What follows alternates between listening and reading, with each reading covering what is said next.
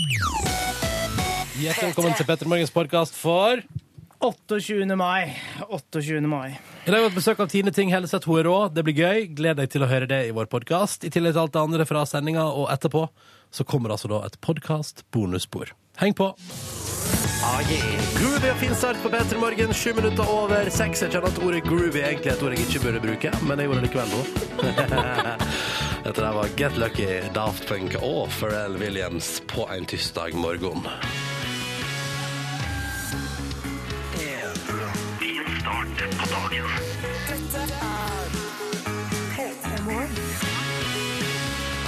Top of the morning to ya. Og god morgen og velkommen til radioprogrammet Peter Morgen, som altså da er en start på dagen for deg som lytter. Jeg heter Ronny, og håper at du har det fint. Heter Silje eh, og stiller meg bak utsagnet til min eh, gode venn og kollega Ronny her. Ah, oi, Har du en neselyd? Det er det verste jeg har hørt. Du, jeg vedder på at du kan sikkert eh, Du kunne ha Tjent penger sånn på det. hundetje... Nei, hunde... Hva heter det? kanskje skal vi se om noen hunder Si fra hvis noen hunder er ute og går amok nå.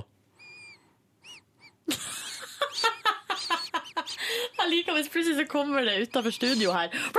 Så kommer de sprengende fra hele regionen.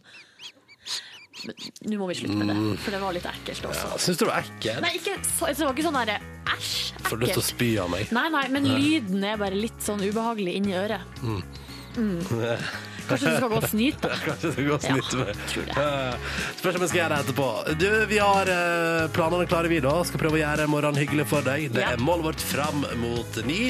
Eh, og vi tenker at det skal bli en fin dag. Går ikke vi for det? Jo, det skal vi. Mhm. Du, Er du klar for at du skal på fotballtrening i dag? Herregud, Hadde du jeg glemt. det? Etter sending så skal Ronny være med på fotballtrening til Stabæk. Det kommer ikke til å gå bra, vet du. Jo, det kommer til å gå bra. Hvorfor skulle det ikke gå bra? Så ler jeg av meg, og så blir det rart. Så kan det ikke gå Det kommer til å sånn. bli kjempekoselig. Ja, vi går Du vet, Hvis de eh, tisser på deg i dusjen, så er det en slags tillitserklæring. Det betyr at man er, har kommet med i gjengen. Ja. Kanskje du bare skal glemme håndduken, sånn at du må dusje kanskje, hjemme. ja, kanskje jeg må det. Ja. Jeg vil ikke bli tissa på i dusjen. Velkommen til Peter i morgen. That's how we roll. Ja, ja. Fine tanker på morgenkvisten. Velkommen. I går pratet vi om mensen klokka seks, og i dag prater vi om uh, tissing i dusjen. Så dette er Men topp, eh, det. that's how we roll! That's how we roll! MGMT nå i Peter morgen. Dette her er Kids. God morgen. Sara Larsson, seks minutter over halv sju. Dette der var låta som heter Uncover i P3 Morgen. Eh, P3 til 1987 hvis du vil komme i kontakt med oss. Du er hjertelig velkommen, skal du vite. Amanda sendte SMS til oss eh, for en halvtimes tid siden, og da skrev hun God morgen, dere. Jeg våkna på sofaen 04.30 etter å ha sovna der etter middag i går.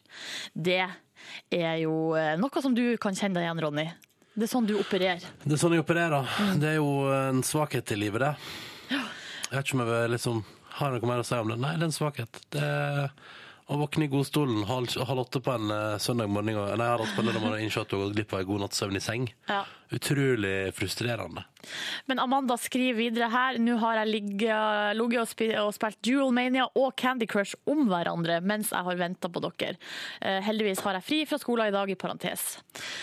Det var jo flaks, da, for da kan man bare legge seg etter Ja. klokka ni når vi er ferdige. Går jeg, jeg, jeg, jeg har så lenge. Ja, jeg det vil bare synes og jeg. lagt meg i senga nå, jeg, ass. Og ha oss på i bakgrunnen, da, Ja, det er ikke det selvfølgelig. fint, å Det er cool. Ja, ha oss på i bakgrunnen, ja, for all del, men uh, ta nå legg deg, legg deg til rette og nyt uh, fridagen. Ja. Uh, og så liker jeg at du spiller Jewel Mania og Candy Crush. Om hverandre, for det er sånn som jeg har begynt å operere Hvordan går dette for deg? Nei, Det går ikke så bra, fordi jeg tror jeg har fått eh, rett og slett eh, senebetennelse i den Ja. ene handa mi. Det måtte nesten komme. Så nå har jeg pause. Har du bare tatt tid til ikke å spille pause? Kan ikke bruke høyrehånda til noen ting som helst. Au. P3 til 1987 hvis du vil komme i kontakt med oss. Du er hjertelig velkommen. Skal vi helst for eksempel ha Her er snart til jobb å være seriøs forskerdame, men i kveld, dere, i kveld skal eh, rumpa shakes på Beyoncé-konsert, skriver en anonym innsender. Jeg tror det kommer til å være en del streite folk eh, som skal ut på Førnebu og riste på ræva i kveld, altså. det tror jeg også. Eh, og vi ønsker alle som skal dit, lykke til. Jeg vet at Per Sundnes skal dit. Han har kjøpt seg sløyfe, det har vi sett på Instagram, med eh, paljetter på. Så der skal alt være eh, klart for fest. Beyoncé Party! Ja, vi har fått ei anna melding her der det står noen som vet hvor det blir av bølgene. Eh, stått opp klokka fem for epic surf, og så er faen meg havet flatt. Nei. Her trengs det regjeringsskifte. Ja, nå må Jens gå av, ass. Det jo, Hvis du ikke kan levere bølger til surfere engang, hva er vitsen da? Ja, det er Jens Stoltenberg Hvor skal, vi, hvor skal vi hen nå, da? Hæ? Og så er vi god morgen til Brødmannen i Trondheim, som har vært oppe siden fire. Hallois, Brødmannen. Gratulerer med tidlig start. Og gratulerer med brød. Yes. Morgenbrød, eller? Ja, det var jeg som sa det, og jeg tar det på min kappe. at jeg sa det. Ta det på de kappene du, Silje. Klokka den er ti minutter over halv sju. P3 til 1987 hvis du hiver deg på. Her er Håkan Hellstrøm til deg. Det kommer aldri over for meg. Nummencore, JC og Lincoln Park i samarbeid på NRK P3 13 minutter på 7. God morgen til deg som lytter til NRK P3. Her i P3 Morgen har du, får du akkurat nå, altså, hvis du for eksempel akkurat har skrudd på radioen, en gjennomgang av uh, forsidene på den største avisen i landet vårt denne uh, tirsdag morgenen, ja. Um, og jeg uh, har latt meg lure, Silje. Ja. Få høre. nå gikk jeg rett på en sånn sak. Prøv å gjette hva sak det er jeg har latt meg lure til å bla opp på. Er det skjult sukker i sunne matvarer? Nei, det er det ikke. Ah. Det er på Dagbladet. Slik blir du kvitt halsbrann. Helt riktig! Halsbrann, altså. Ja. Og så har jeg blatt opp etter på side 16 og 17 der det står om halsbrann. Og så står det her 'Slik slukker du halsbrann'. Og nå Silje, skal jeg bare gå gjennom lista med ting du bør gjøre og ikke bør gjøre. Og så skal jeg si hvor jeg feiler. ok? Er du klar? Ja. Ikke spis så mye at magen blir overfylt. Der feiler jeg. Eh, bedre å spise hovedmåltidet til lunsj enn sein middag. Elsker sein middag, så der er jeg fucka. Ikke sleng deg på sofaen etter et stort måltid. Men hvor skal man ellers fære etter et stort Ja, måltid? nettopp! Fordi er det én ting jeg gjør etter et stort måltid, så er det iallfall å sovne. Ohohoho! Det går altså så det, det vet du hva? Av og til når jeg kommer hjem fra jobb, så drøyer jeg det å spise, for jeg vet at idet jeg har spist, så kommer jeg til å sovne. Ja, ikke sant? Så da kan jeg være sånn jeg er dritsulten, men jeg drøyer en liten time til, for jeg kommer til å sovne nå. Der tror jeg du feiler. Det, det, det. Ikke spis for fort, tygg maten godt. Det tror jeg òg jeg feila litt. Grann. Ikke spis for feit mat. Jeg var på Burger King i går. Lol. Um, og bevegelse forbedrer fordøyelsen. Feiler der også. Holder meg mest i ro. Men si meg, er, er du plaga med halsbrann? Um, ikke så ofte. Jeg vet, hva- jeg vet, altså, melkeprodukt på sen kveld Jeg tror ikke det, jeg vet hva halsbrann er for noe. det er at det gjør jævla vondt i området der, og så kjenner du at det føles som det brenner. Nettopp, og der, der noe. har du aldri opplevd Kødd- Jeg Kødder tror du? aldri jeg har opplevd halsbrann. Jeg Er tror ikke jeg du vet hva det er seriøs? for noe. Ja, tydeligvis. Det er det verste jeg har hørt. Det er det verste. det er det verste jeg har hørt. Ja, Men det kan du huske på neste gang du gjør narr av rutinene mine, og at jeg spiser ofte, og så små måltid, osv. osv. Wow. Wow. Skal vi gå videre? Ja, det kan vi godt. Skal vi gå til den, saken, den andre saken som du hadde lyst til å snakke om? Uh, og den på forsida av Aftenposten. Ja. TV 2 tjener ikke pengene sine på reklame, de tjener det på Jeg skal lese her. her står det. Ja. I 2005 så tjente altså TV 2 219 millioner på såkalte, og så er det gåseøyer, andre inntekter. I 2012 var denne posten økt til 1,4 milliarder. Så de Også- får inntekter fra reklame, men de får mye inntekter tydeligvis fra noe annet i tillegg. Og da blir jeg så nysgjerrig. Hva kan det være? Andre inntekter. Jeg tenker umiddelbart, Har jeg arrangert kakelotteri? Altså på Karl Johan. Ja, for eksempel. Utenfor TV 2-lokalet på Karl Johan i Oslo der, på Paradegata. Setter kanskje, kanskje Stian Barsnes setter seg ned med trekkspillet sitt, og så samler de penger på den måten. Mens Sara Natasha Melby danser ved sida av. Ja, det, det er sant, det tror jeg. Ja, kanskje det. Ellers kanskje de har eh, sånn her eh, rundtur i TV 2-lokalene. Guida tur. Ja. Med um, Stål Talsnes som eh, guide. Så kan, du, så kan du gå og se. Her lager vi nyhetene. Ja. Kostet forresten 200 kroner den rundturen her, Vær så god. Ja. Eller som jeg kanskje tror mest på, at eh, han, sjefen i TV 2 sitter på live-oddsen til Norsk Tipping. Og sitter der og fyrer. Ah. Da spiller vekk de 200 kronene her, på, og så ser vi hvor det ender. Og at de rett og slett tjener pengene sine på gambling. Jeg får så mange tanker i hodet. Kronerulling. Hei, Stian Barsnes, vil du, vil du gi en 20 kroner til TV 2, eller? De, de klarer å tjene 1,4 milliarder i året på kronerulling og kakelotteri. Ja, det tror jeg. Jeg tror selvfølgelig at det er det det kommer. Ah, du, jeg skal bare ta én siste sak eh, før eh, jeg tror vi runder av. Eh, skremt av Hellstrøm og co. på forsida av VG. Unge velger bort kokkeyrket. Ny rapport som skylder da på TV-kjendisene. Unge har ikke lyst til å bli kokk lenger. Det er visstnok Hellstrøm, Hele Norge baker og Fire stjerners middag sin feil. ja, ja nei, når folk, folk har sikkert sett meg på Fire stjerners middag. Jeg mekka taco Ja, fra sånn- pose, og da tenkte jeg sånn Er det så lett å, å, servere folk? Nei, de tenker lista er for høy. Det tak- jeg takler ikke det her. Jeg tror det, Og det er så lett å servere folk. Hvorfor skal jeg da utdanne meg til det? Ja, ikke sant. Eh, når jeg eh, ikke endte på sisteplass engang ved å servere taco fra pose. Uh, og så tror jeg, kan det være det at de programmene på TV der Kan jeg bare synse, Silje? Ja. At de programmene på TV der viser hvordan det egentlig er å være kokk, mer enn at det er avskrekk. Altså, skjønner du hva jeg mener? At det er bare sånn, «Å, så Og det er uglamorøst, liksom. ja, at, å ja, det, jeg trodde det var fancy å være kokk, og at du bare satt og smakte på din egen mat. Ja. Så gjør du det, Men jeg tror heller enn Hele Norge baker og Fire stjerners middag, og egentlig Hellstrøm òg. Jeg tror det er mer de her eh, Gordon Ramsay-brølapa der som ødelegger mest. Hellstrøm prøver bare å gjøre folk flinkere. Ja, ikke sant? han gjør det. Ja, det er det. Dette var dagens avisforsider her i P3 Morgen. Åtte minutter på sju, og vi spiller Kaja Gunnufsen. Ny norsk musikk, og veldig fin, syns jeg. Eh, Hvis du klarer å komme liksom over den stemma, så er dette en veldig veldig fin låt. Den heter Desp, og du får den på P3. Kaja Gunnufsen på NRK P3. Desp heter låta hun har spilt for deg i radioen din. Jeg er så nysgjerrig på dette her. Fordi eh, det høres jo så, tri det høres så trist ut. At det er en fyr som er tilsynelatende en bra fyr, men så er han kjip, og, men likevel vil hun at han skal velge god, og jeg forstår ingenting. Jeg forstår ingenting. Nei. Har du ingenting å tilføye deg, Silje? Nei, jeg vet ikke. for Jeg skal være helt ærlig med deg. Jeg har ikke fulgt med på teksten i sangen. Så jeg, nei, nei, jeg har stått og gjort andre ting. Lest avisa litt uh, mer, og så har jeg sett på SMS-innboksen. Ja, så, eh, så jeg, jeg hadde ikke noe mer å bidra med der. Er det sant? Ja.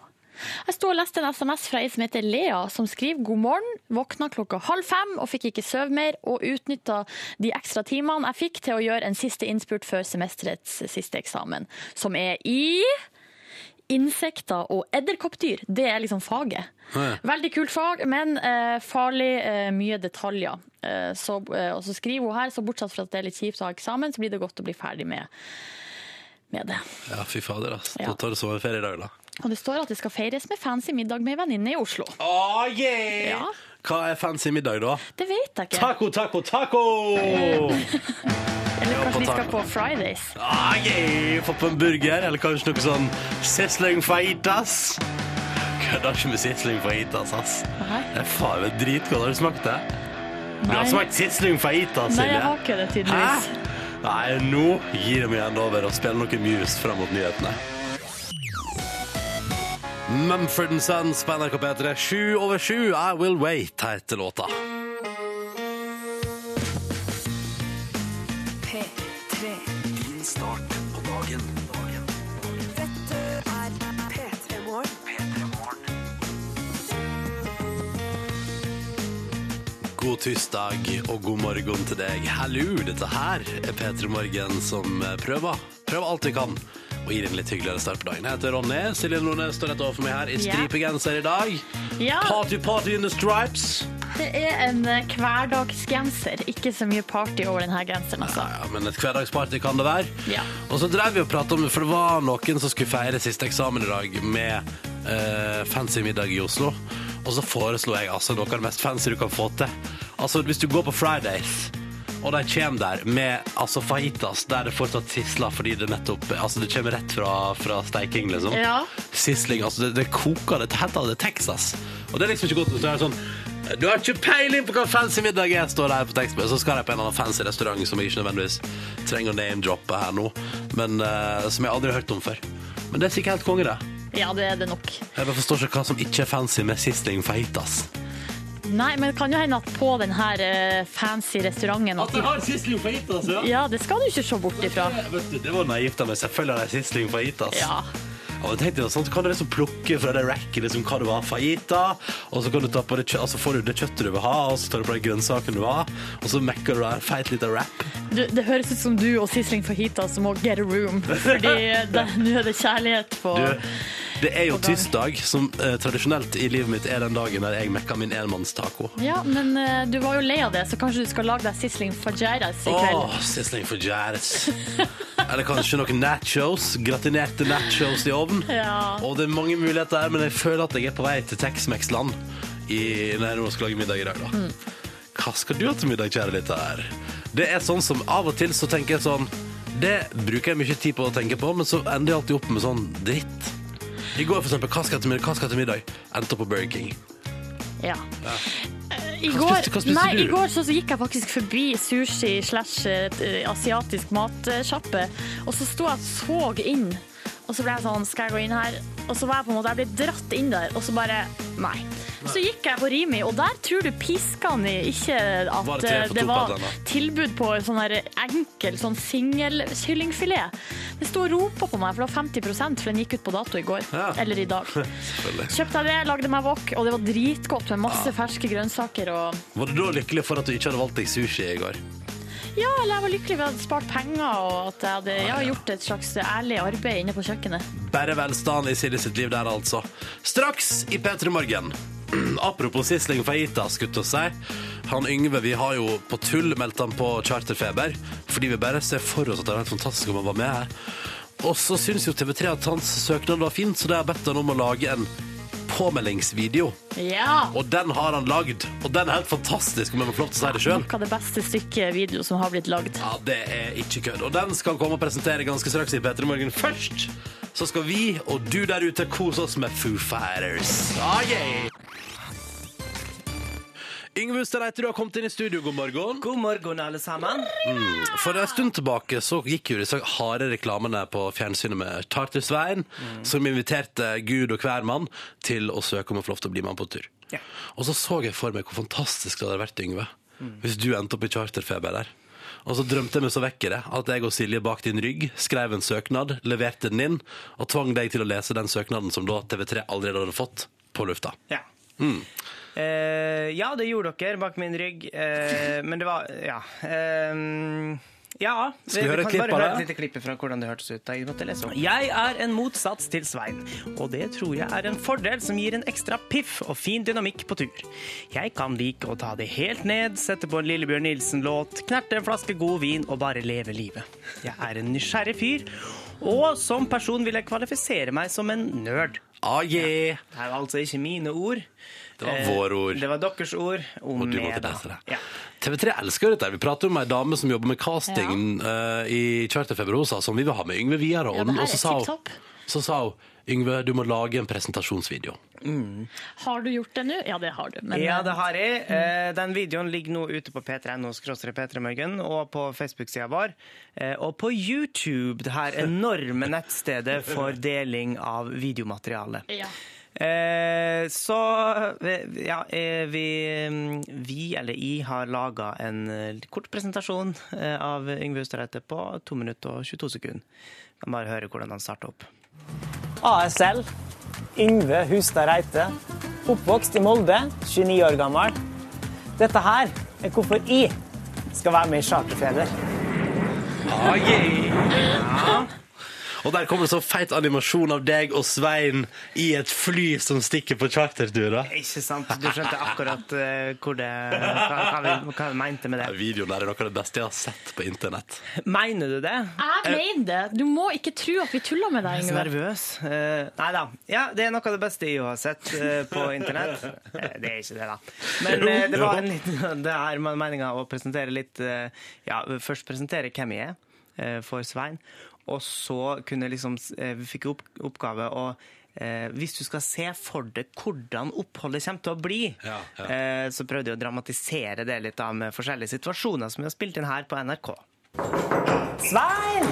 Svein, du kan ikke sove på do! Ja, Svein, hvis du er kongen av Mallorca, det er i hvert fall i prinsen av Hurumhei. Og Svein har jo glemt passet sitt. Typisk Svein! Ja, her har jeg altså sprunget rundt og hatt en sånn litt leikedag på jobb, eh, mens jeg har fått noen til å filme med. Eh, og improvisert fram forskjellige situasjoner som jeg liksom kunne havna i i charterfeber. da. Ja.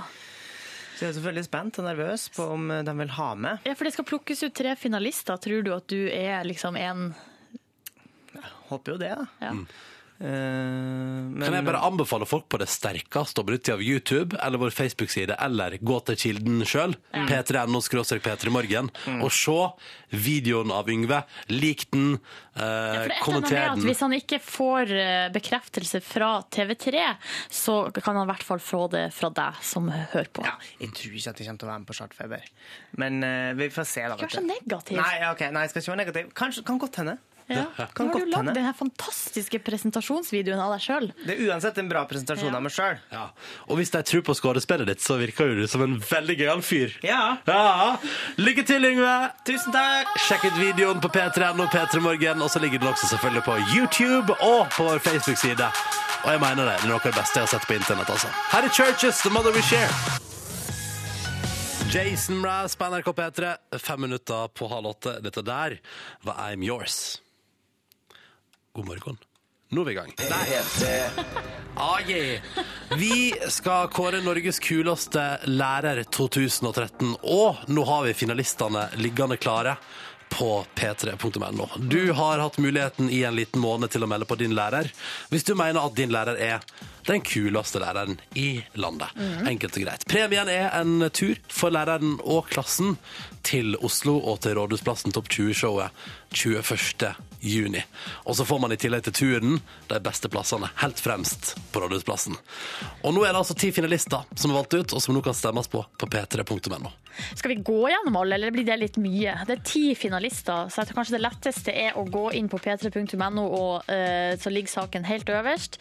Der kan du stemme på din, eh, skal man si, favoritt, eller Jeg syns det er lov å si favoritt, ja, for Ja. det er jo det som til sjuende og sist avgjør hvem som blir Norges kuleste lærer. Og avstemninga er altså åpen fram til 4. juni, så det er bare å henge i. eh, Og vinneren vil bli presentert live her i P3 Morgen. Du kan f.eks. stemme på Inga, da, ikke sant? Hun er på Kongsberg videregående skole og er lærer for to STA.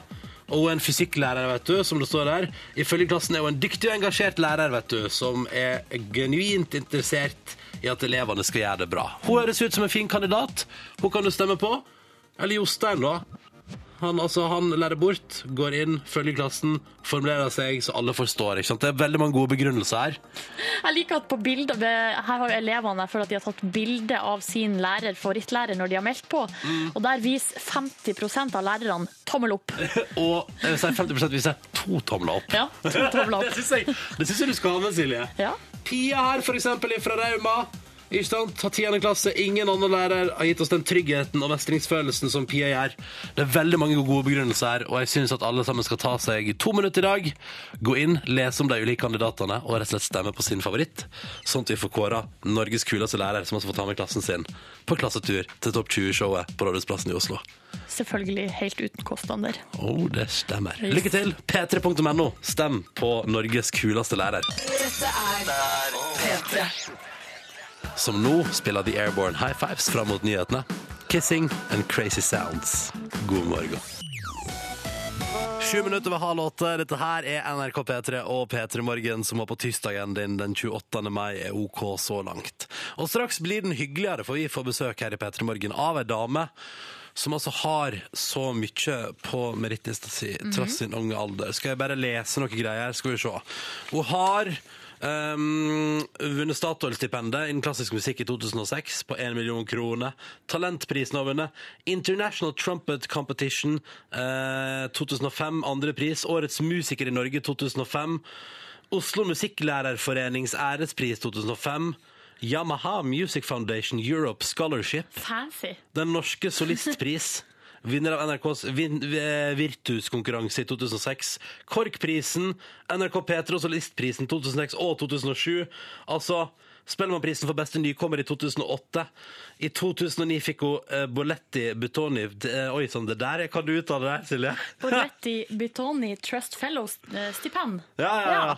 Og i 2002 2010 Mozart Award i Dortmund. Altså Det er fancy greier, men det her er altså ei dame som regnes som eh, et, av verdens største talenter innenfor eh, sitt instrument. Eh, Instrumentet er trompet. Vi snakker om Tine Ting Elseth, som straks altså er på besøk hos oss i P3 Morgen. Og dette her gleder jeg meg veldig til. Eh, Vi har hatt henne på besøk før. Hun er awesome, og vi gleder oss veldig. Eh, Og så har hun selvfølgelig, som alle som er på besøk hos oss, lest inn ei aldri så lita morgenhelsing. Skal vi høre på den? La oss høre på det. God morgen, alle sammen. Dette er Tine Ting Elseth. Jeg irriterer meg som vanlig enormt over at jeg ikke har blendgardiner på soverommet. Det er veldig mange vinduer her, og ufattelig lyst. Eh, Det hjelper kanskje på at jeg da er lysvåken akkurat nå. Eh, Jeg gleder meg i hvert fall enormt til å komme på besøk i P3 Morgen.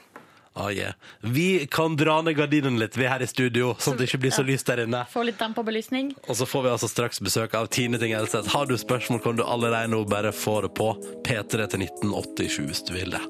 Før Tine er på plass, skal vi gjøre på Empire of the Sun i P3 Morgen. Dette her er låta som gir sommerfølelse, og som heter Walking on a Dream.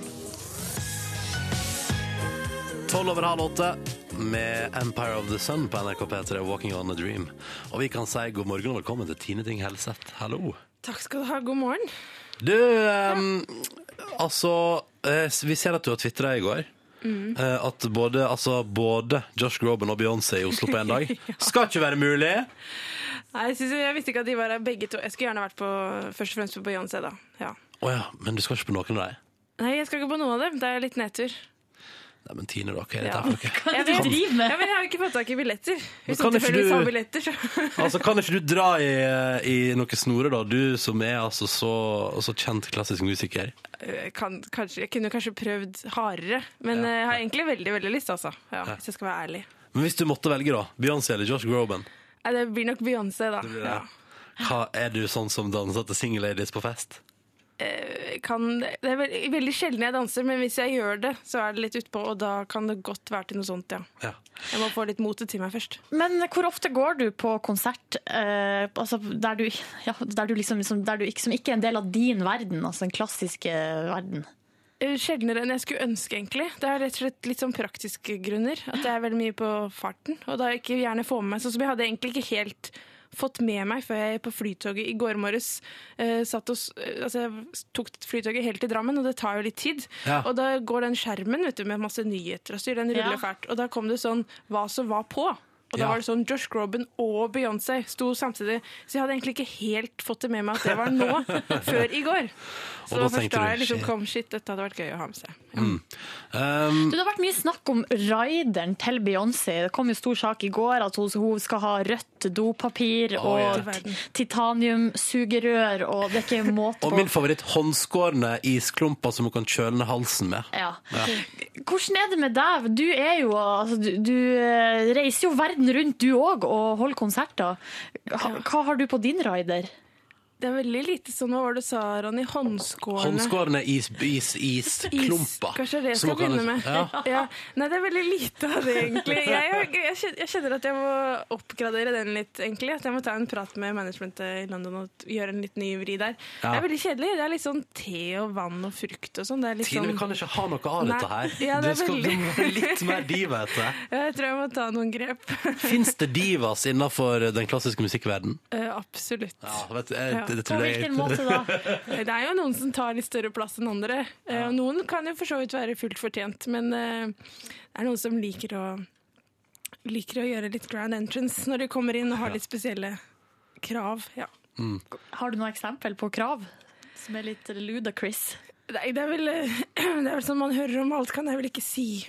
Sikkert høyt på lufta. Nei, men det er ganske mye crazy som foregår i den klassiske verden. Vi er ikke så kjedelige som mange kanskje tror. Vet du hva, det tror jeg på ingen måte. Det er mye morsomt som skjer på turné, for å si sånn. Men er det vanlig med sånn entourage? At det kommer liksom en artist, og så har han liksom, eller han eller hun har en sånn gjeng med folk som er med, liksom? Det er veldig sjel altså faktisk sånn, det er veldig sjelden, men noen av de absolutt absolutt største har det. Ja. Har det med seg et par.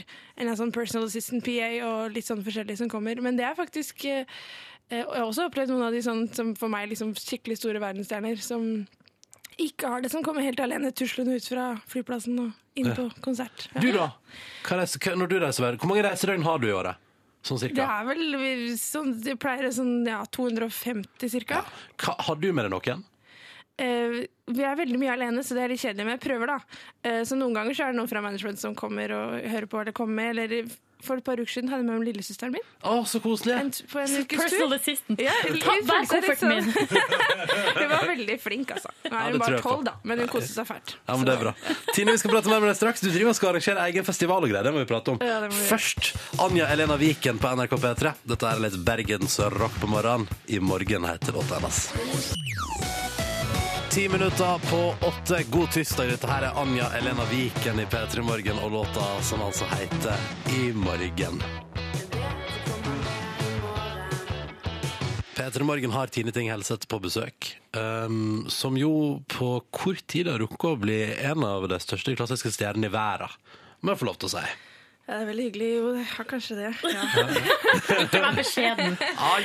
Og, du, og nå har du, eh, jeg vil si, nesten snubla over uh, og endet opp med å lage egen festival.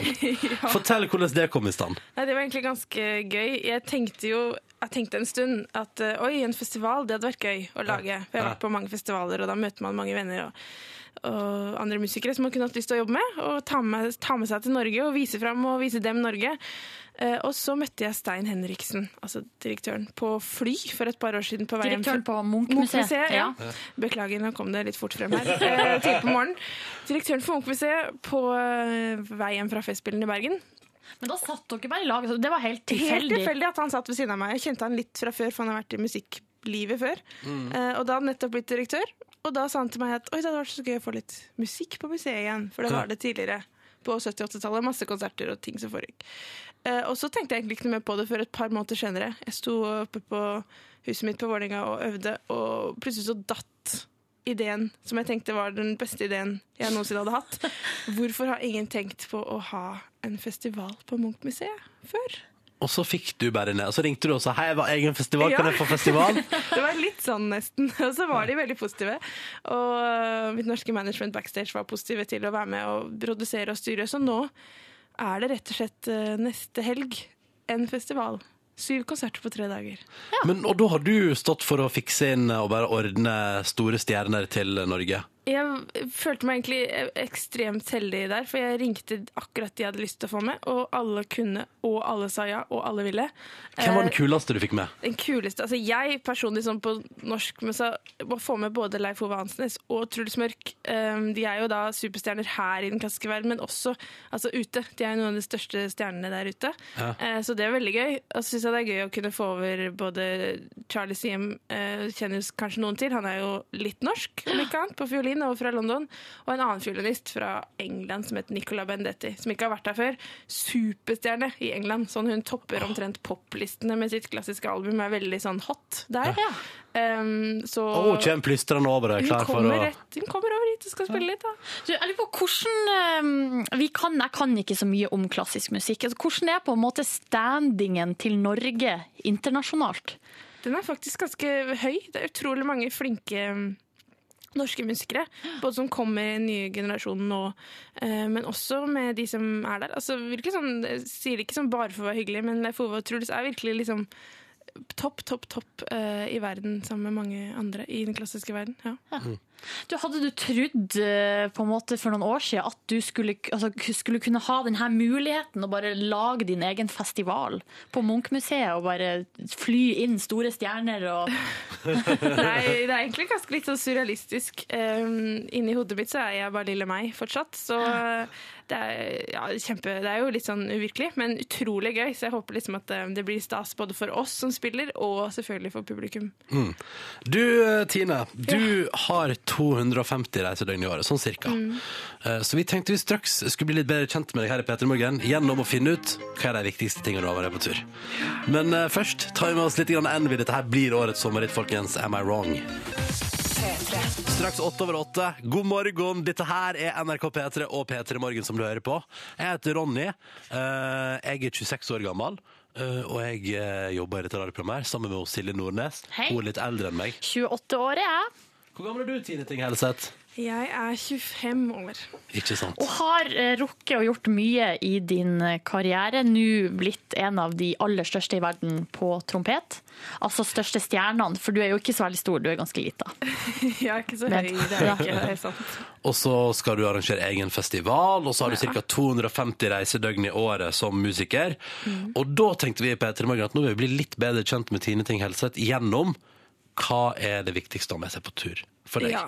Og da har du tatt med en slags topp tre. Skal vi bare begynne med nummer ja, ikke, Vi nummererer ikke. Begynn med en ting, du. Jeg begynner med en ting, og det er en ting som jeg da jeg må ned i veska mi her, da. Ja, du har med deg en liten eh, pose. Ha med en liten, og det er rett og slett iPaden min. Ja, En iPad Mini har En du gått for. iPad. Mini har jeg gått for nå. Jeg hadde en før, men dette er jo da halve vekta. Nå skal ikke jeg begynne å reklamere for den, men den eh, er i hvert fall utrolig lett og fin å ha i Kan jeg veska. se inni um, Du kan se inni den. Har du kode?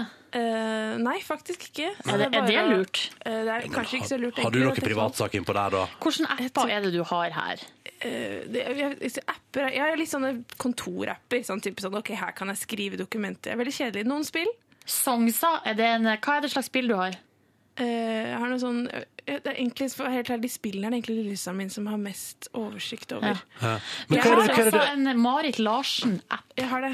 Hva er det for noe? Jeg trykker på den, jeg. Trykk på den. Det er en slags slags app som da skal følge Marit Larsen. Jeg har, sånn, hva, er det som Marit. Larsen Stalker? Nei, men det er faktisk, det er faktisk fordi de som lagde den appen, også lagde en app for meg. Så jeg har altså min egen app der. Å, Det jøss. syns jeg er litt stas. Men du, Tine, hva er det du bruker iPaden til på tur? Jeg bruker den mest til sånn eh, ja, mail og sånne obvious ting, ting som jeg da må følge med på.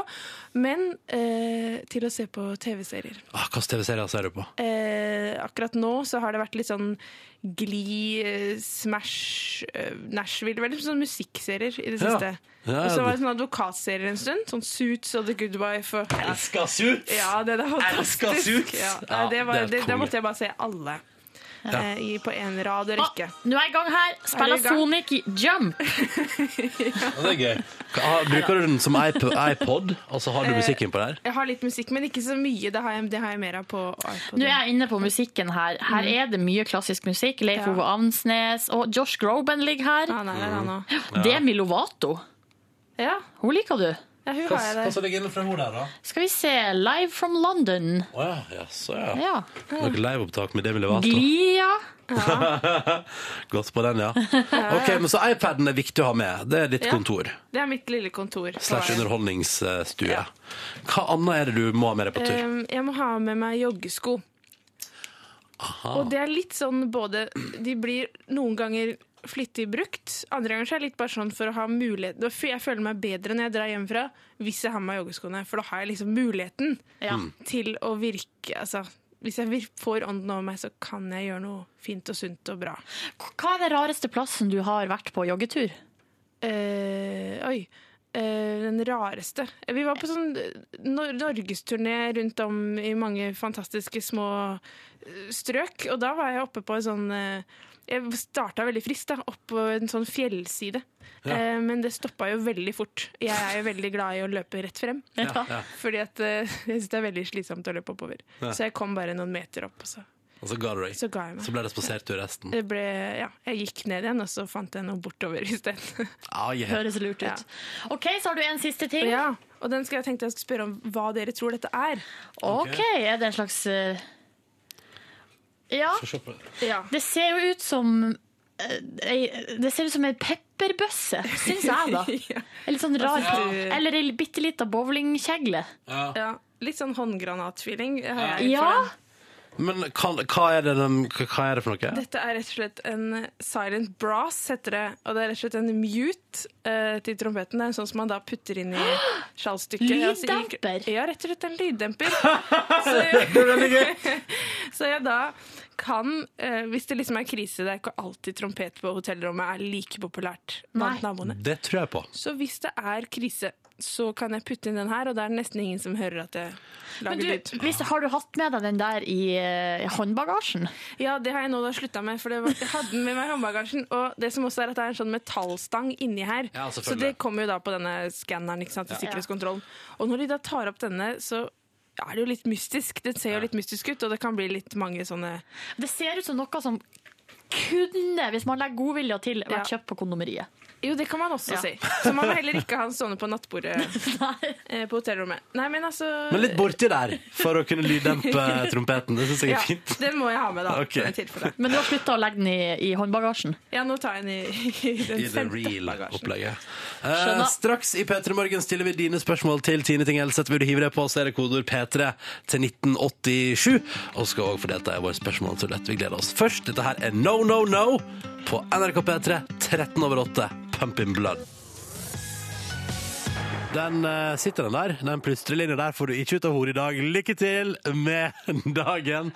Klokka er kvart over åtte, du hører på NRK P3. Det var No No No med Pumpin' Blood. Og vi har besøk av Tine Ting Helseth. Hello. Hallo. Hun Tine vet du, hun er jo altså verdenskjent klassisk musiker. Har fått sin egen festival på Munch-museet i hovedstaden neste uke. Så der, har, så der har du bare ringt til alle de klassiske klassisk musikkkjendisene du kjenner. Ja. Og vips, så bare kommer de fra hele verden. Vips, så kommer vi over. Ja. Ja. Så sånn er det. Og så har vi spurt deg som hører på om du har lyst til å stille spørsmål til Tine. Og det har du, så derfor tar vi nå noen spørsmål fra vår SMS-innboks. Stein Knuseren han bare kjører på og spør Spør om hun er singel! Smiler blunkefjes. fjes. jeg er jo veldig mye borte, så det er ikke så greit å få med seg en kar på det. Nei, 250 reisedøgn. Ja. Hva tenker du om fremtida der? Hvor lenge skal man gjøre det? Nei, Foreløpig så er jeg ung, så jeg kjører på, jeg. Ja, ja, ja. Nei, men altså, man må jo Det det skal jo, altså, det er selvfølgelig utrolig gøy å få se verden og få se mange rare steder som jeg aldri hadde kommet til hvis det ikke hadde vært for spillinga. Mm. Men um, det er jo litt slitsomt òg, hvis jeg skal være sånn helt ærlig. Ja, men det forstår- det så mye. forstår vi. Så uh, Det- det, er er vel noe med det at uh, det trenger jo ikke å være 250 reisedøgn for, i så mange år, til fremover. Det går an å ta det litt ned og fortsatt ha det veldig gøy. og fortsatt... Ja. Men er det sånn at du Eller altså, møter du de samme musikerne veldig ofte der du spiller? Altså, hadde det eksempel La oss si at du hadde blitt i lag med noen i samme miljø som deg. Mm. Hadde det dermed da blitt skal vi si, flere felles reisedøgn? Eh, sånn, ja. At jeg skulle bare funnet en som reiser like mye som Ja, meg. ja. Jo, så Hvis vi hadde vært heldige, så kanskje vi hadde møttes noen ganger. Men hvis vi hadde vært ordentlig uheldige, så hadde vi jo bare aldri sett hverandre. Men Er det mye hookups i det klassiske miljøet? Å ja. Ja, det er det. Å ja da! Ja, ja, ja, ser for Ja, det meg det. alle tror de det er unge, det. framadstormende talenter fra hele verden som kommer og møtes på ymse festivaler. ja. Nei, men det er mye, mors mye, mye spennende der, ja. Ja, riktig. Tine, hva slags instrument skulle du ønske at du kunne spille utenom tropet? Hilsen Dag fra Sørlandet. Ja. uh, du, i det snakka jeg faktisk her for et par dager siden med en annen om, og det har jeg rett og slett funnet ut at banjo Å, ja, ja. Det hadde vært stas! du, ja? Det hadde vært ordentlig stas. Kanskje ikke i lengden, altså sånn, med sånn skikkelig sånn bluegrass-tango. Det tror jeg, nei, banjo, det hadde vært gøy. ja.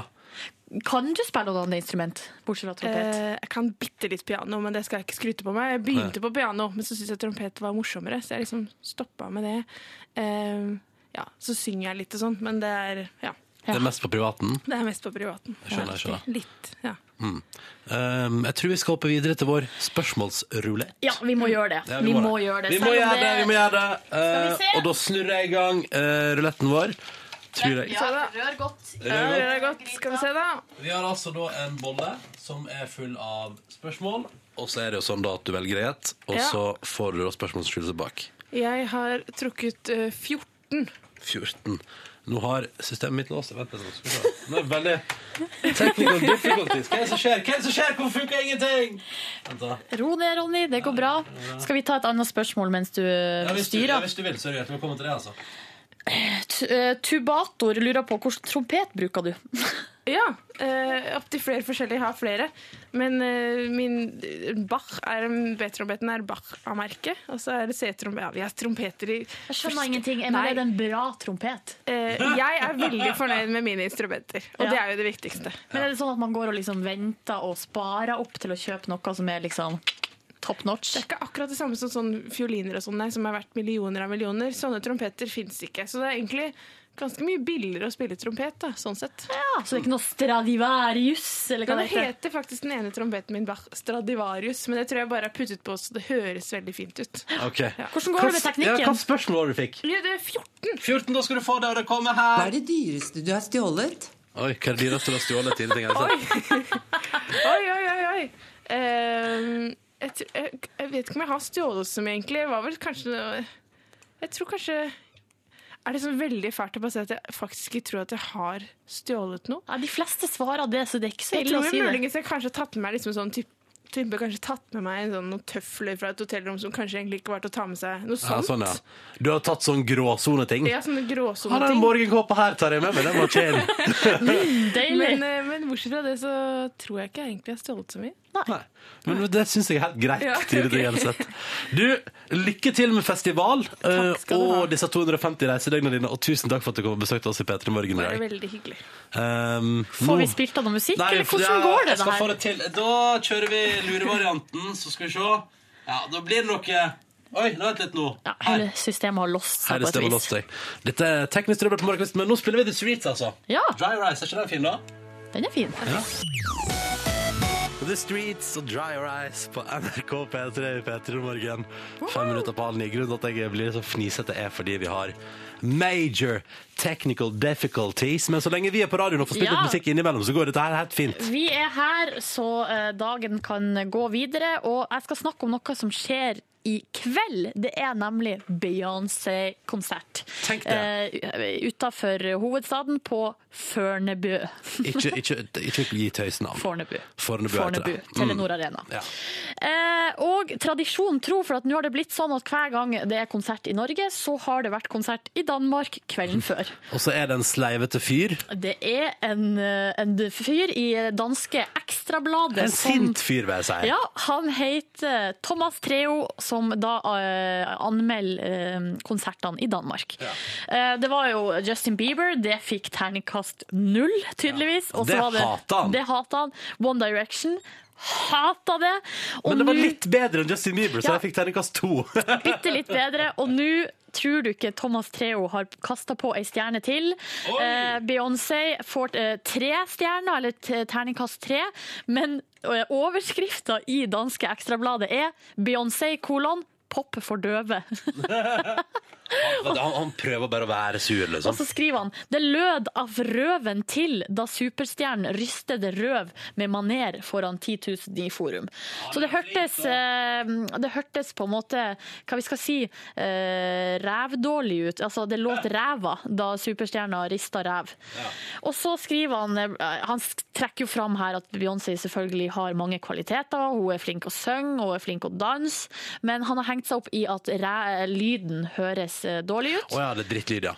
Og så skriver han helt til slutt altså jeg, jo, jeg har ikke lest hele anmeldelsen, skal jeg være helt ærlig. For jeg skjønner, jeg skjønner ikke dansk så godt. Men han eh, skriver helt nederst Kunne det bli verre? Ja, som en med en fortolkning av I Will Always Love You, Oi! som lød som en dødsfeide mellom Celine Dion og Mariah Carey. Ser. Men riste røv og smile, det kan hun altså. Sikkert også med hemoroider og tannpine. Han er så sur, han fyren der. Han er så sur. Han må, han må finne seg noe annet å gjøre på. Ja, men eh, det, så det positive er her at uansett hva som skjer, så kan Beyoncé smile og riste på ræva. Ja, Flaks for henne. Ja. Så, eh, men som, som, eh, som det har vært med både Justin Bieber og One Direction, så har jo den norske fansen likevel eh, hatt en fin opplevelse. Uansett hva han her Ja, danske surpompen synes vi får se da. I kveld. Når Ja. Beyoncé spiller opp til dans på Telenor Arena. Her, nå skal vi se, følg med nå. Der! Alt Nå er på i stell. gang. Alt er på stell igjen, og her er Ellie Golding og Calvin Harris og Lydia Love i P3 Morgen. Justin Timberlake i P3 Morgen, Mirrors, åtte minutter over halv ni. Ronny og Silje her. Hallo! Hallo! Kristina står på badet og har stått der i ti minutter og prøvd å fikse håret sitt uten å få det til. Det går til helvete hver gang. Ai, ai, ai. Silje, Ja. har du noen tips, du som alltid er fin på håret? Det står det i tekstmeldinga. Du, jeg er jo så misfornøyd med håret mitt uh, i dag, så ikke akkurat i dag har jeg ikke så mange tips. Ellers da på generell basis, hvis du kan prøve å, å jobbe fram et generelt tips på, På hår. generell basis så liker jeg at uh, det skal gjøres så lite som mulig på morgenen. Så eksempel hvis man har langt hår, så kan man søve med flette, og så uh, på morgenen tar man ut fletta, vips, krøller. Og så er man ferdig. Så trenger man ikke gjøre noe mer enn å bare ta ut fletta, så er man klar. Da fikk du tips tips. der ifra Silje Nånes, hårekspert i P3 Hvis man har Morgen. kort hår, kan man ta på seg lue eller eh, caps. på, på dagen, eller sov med det? Nei, på, på Sove med caps, så vips har du et eller annet fancy. På dagen. På dagen, ja. Mm. Riktig, riktig. Du, Ronny, jeg bare lurer på en ting. Vi snakket i, altså Det var jo eh, off air, men vi har snakka om den der babyen i Kina som ble funnet i et kloakkrør. Ja, den, ja. Saken ligger på nrk.no og på alle andre nettaviser i hele verden. Mm. Om altså en, eh, I et boligkompleks i Kina har de hørt barnegråt fra dass. Og så skjærer de altså ned det her røret. Nå blir det spoiler da på den videoen. Ja. og de da finner en bitte liten nyfødt baby inni kloakkrøret. Den spoileren får du vel idet du leser tittelen 'Fant baby i kloakkrør'. Ja, det stemmer det. Men det er ganske spennende når de liksom sager opp røret, og så plukker de røret fra hverandre, og så ligger det pinadø en liten baby inni der. Mm. Og du sa til meg at du ikke, altså du ikke liksom lot At det gjorde ikke noe inntrykk på deg. Ja, ja, for det første, jeg har ikke sett videoen, da. Og jeg har ikke klikka meg inn på nyhetssaken. Men, Men det gjør ikke noe men- inntrykk på deg at de har funnet en baby i et kloakkrør? Har ikke de funnet det før, da? Jeg er litt sånn, jeg er litt sånn der, Verden er så sjuk. Nå har, vi nettopp, nettopp funnet tre jenter innelåst i en kjeller i Amerika i ti år. Og for et par år siden Ja, men fant de var ei jo ikke jente, i et ei jente som hadde bodd et voksent liv i en kjeller i Østerrike hos en fyr som heter Fritzel. Altså, skjønner du? men det er Nei, noe annet. poenget mitt er verden er så fordømt sjuk fra før av at det er ingenting, som- altså, det er ingenting som får meg til å heve øyebryn lenger.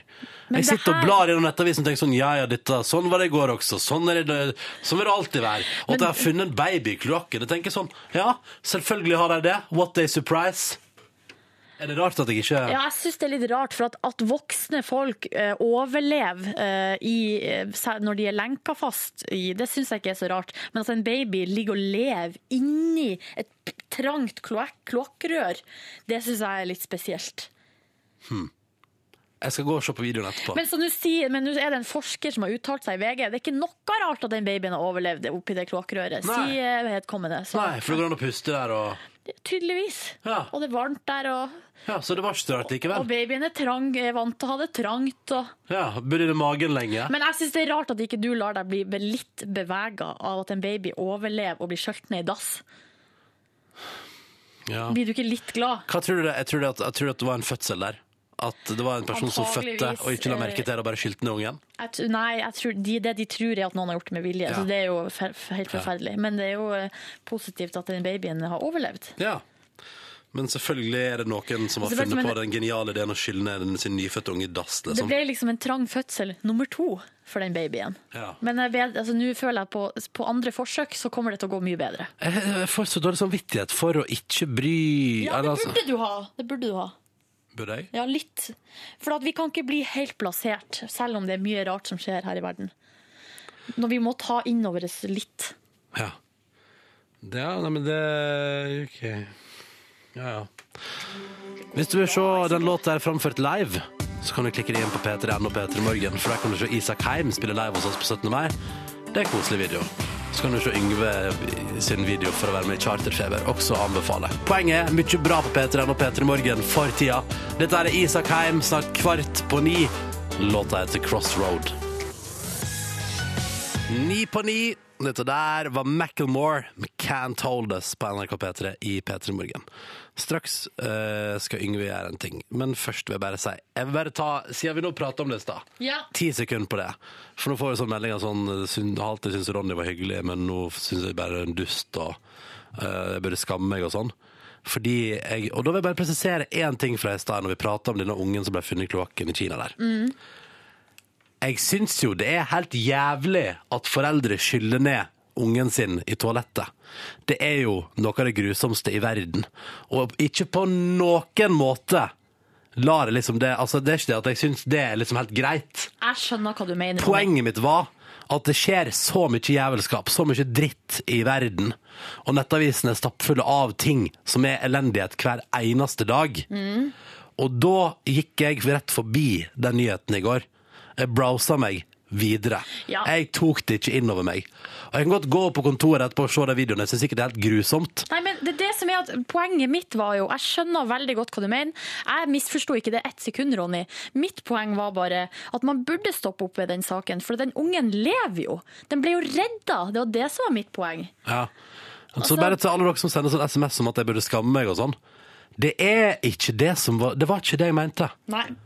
Under, under ingen omstendighet syns jeg det er OK. Poenget mitt var bare at man blir blasert av at verden er såpass jævlig som den er. Er vi- Da er det greit? Ja, jeg, jeg syns det er helt greit. Er det greit, Yngve? Ja, ja, ja. Selvfølgelig. Vi skal eh, snakke om altså Vi har jo hatt en liten føljetong her i P3 Morgen om disse her to eh, guttene, Vemund og Jon Torger på Riska bibliotekfilial, som sørga for at den ikke ble nedlagt. Skal vi høre et lite Ja, ja, klipp fra disse to guttene her? Det er en eh, litt eh, ja, litt, eh, Den kom i 2005, denne videoen, eh, om disse to som, som var altså, engasjert i sitt lokale bibliotek. Vi skal jo leve i et kunnskapssamfunn. Så hvis vi tar bort kunnskapen, da blir vi ikke det lenger. Disse her, det her er altså Vemund som snakker, som var i en, midt i en pubertet. Er eh, mens han ble intervjua på. som 14 år gammel eh, gutt. Eh, nå er han 21 år gammel eh, og ferdig, han er voksen. Men vi, vi, vi fikk tak i Jon Torger, han andre gutten av disse her i går, og, og snakka litt med han på telefonen.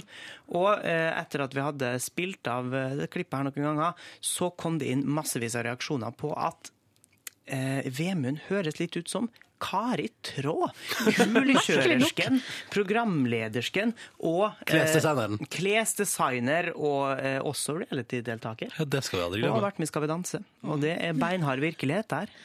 Eh, jeg skal bare spille av et lite klipp til av Vemund, og så umiddelbart etter spille av et klipp av Kari Traa, så skal folk få lov til å dømme sjøl hva de syns. Nei, jeg vet ikke, men det er ikke at vi er helt normale 14-åringer heller. Altså, det er jo litt sånn Ja, vi er jo såkalte nerder. Men jeg synger vel ikke så fælt, eller? Du går i lag med meg. Jeg er ikke flink å synge, herregud. Er jo, synger nå jeg, liksom. Det er en viss likhet der. Jeg tenkte ikke over det umiddelbart. Men kan Kari Trå egentlig være en 14 år gammel gutt? Kan jo virke sånn, ja, litt. Ja, Hvis man har lyst til å få med seg hele denne videoen, så kan man gå inn på p3.no p3morgen, eh, og under overskrifta eh, Hva heter overskrifta igjen? Det er den beste overskrifta i hele verden, nemlig. Mojoen til bibliotekguttene er ikke svekket. Så kan dere se bilde av at Jon Torger kom innom oss en tur i går, eh, og da høre intervjuet med disse guttene her som 14-åringer. Oh, yes. Vi skal høre litt mer på hvordan Kari Traa snakker i forhold til eh, Vemund. Vi skal jo leve i et kunnskapssamfunn. Så hvis vi tar bort kunnskapen, skal vi, da blir vi ikke det lenger. Sier så jeg også her om dagen. Du, nå må du ha tatt av! Ja. Nei, men det er ikke hard trening, men med bevegelse hele tida. Derfor brenner du vel litt. Ja. Ah, det er ganske likt. Det er helt likt! Ja, må tusen, tusen takk for folk som påpekte dette her. Man blir jo helt blind på slikt. Ja, ja. Nei, Dette var fantastisk, du. Bra. Spørs om det finnes flere bevis på at Kari Traa er litt som en 14 år gammel gutt. Ja, altså, jeg har Hvis man går inn i det, liksom. Ja, sånn, ja. Hun ser veldig ut som ei flott dame òg. Hun har jo fått to barn, så der skurra skurrer det jo med en gang. Og så, er hun ja, så ser det ut som ei bra dame. Ja, så, ikke sant? Kvelertak, kvelertak, ah, yeah! Podkast, bonusbord! Hallo! Ja. Ja, ja, ja, ja, ja, ja, ja. 28. mai, 28. Så sitter vi her, da, bare noen dager før må junien kommer og tar Herregud, oss. tenk at det er juni allerede. Det er helt sjukt. Det er ikke juni allerede. Nei, men det er Det snart. er snart. Altså, sannsynligvis, Ronny, Ja. sannsynligheten er stor for at flere av dem som hører på, ser på datoen nå, juni, og så er det juni. Godt poeng. Jeg tror mai må være den forteste dagen Nei, måneden som hele år, ja. På mai, dag og uke, og så måned. Hvordan har vi det? Ja, det lurer jeg på. Fint. Har vi egentlig greit? Det er lavtrykk. Jeg tror det er lavtrykk her nå. Det er lavtrykk Ja, det tror jeg faen meg det i lytterlandet også. Ja. Tror du det? Jesus.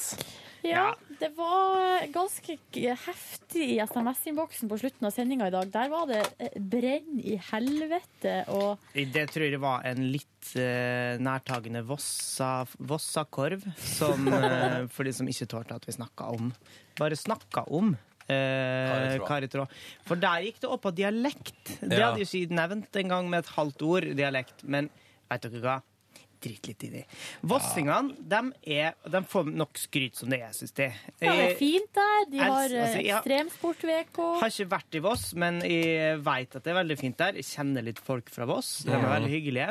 Eh, Og Kari Trå er jo awesome. Kari Trå er også Fantastisk dame, ja. Arne. Hjeltnes.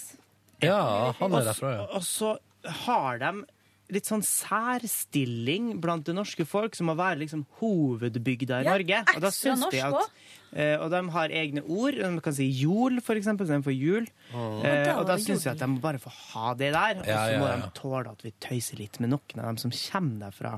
Dette var, nei, det var mye interessant i dag, altså. Ja, men dere må jo huske på at dere ikke må ta dere det. nær av det, fordi eh, det, dere er jo best i verden. Det er bare at de av og til Du er søt, Sigrid. Men at man, at man eh, Den diskusjonen før der igjen, babydiskusjonen, at det skulle være så ille, det skjønner jeg ikke. Skjønner du Men dere må huske på det er litt som det skjønner jeg ikke. Det er litt sånn som med familie. At dem man er mest glad i, er av og til dem man blir litt sånn sint på. Så det er sikkert noen der som tenker ærlig talt, man må, jo kunne, man må jo tåle at noen sier nå er det så mye jævlig i verden at jeg klarer ikke å ta alt Men inn. det det som jeg Alle tror- sier jo det hele tida. Jeg skjønner ikke hvorfor det var noe annet nå. Nei. Nei, det var veldig interessant, det der. Tror i beste fall folk misforsto, men det er ikke noe å, å henge seg opp i. Nei. Noen Nei, nei. folk er, det Tirsdag er jo den dagen i uka det er mest møter, mest ting på tapeten, har jeg lest en plass. Og Mm. da er folk kanskje litt sur, da. Er det det som Ja, for folk gidder ikke. Ja, tenker og sånn, man tenker mandag, da er jeg sliten. Vi tar Ja. det på tirsdag. Dugnad, da blir det på tirsdag. Alt skal skje på tirsdag, og så er det så jævlig lenge igjen til helga, så folk blir piss Mm. Sur. Møte i velforeninga. Pøsregn ut for noen, sikkert. Generalforsamling. Nei, det der. Nå har jeg sneket meg inn i innboksen her, og det jeg først legger merke til, er at eh, de spiller jo låter om kroppsdeler i mixtape i dag. Ja.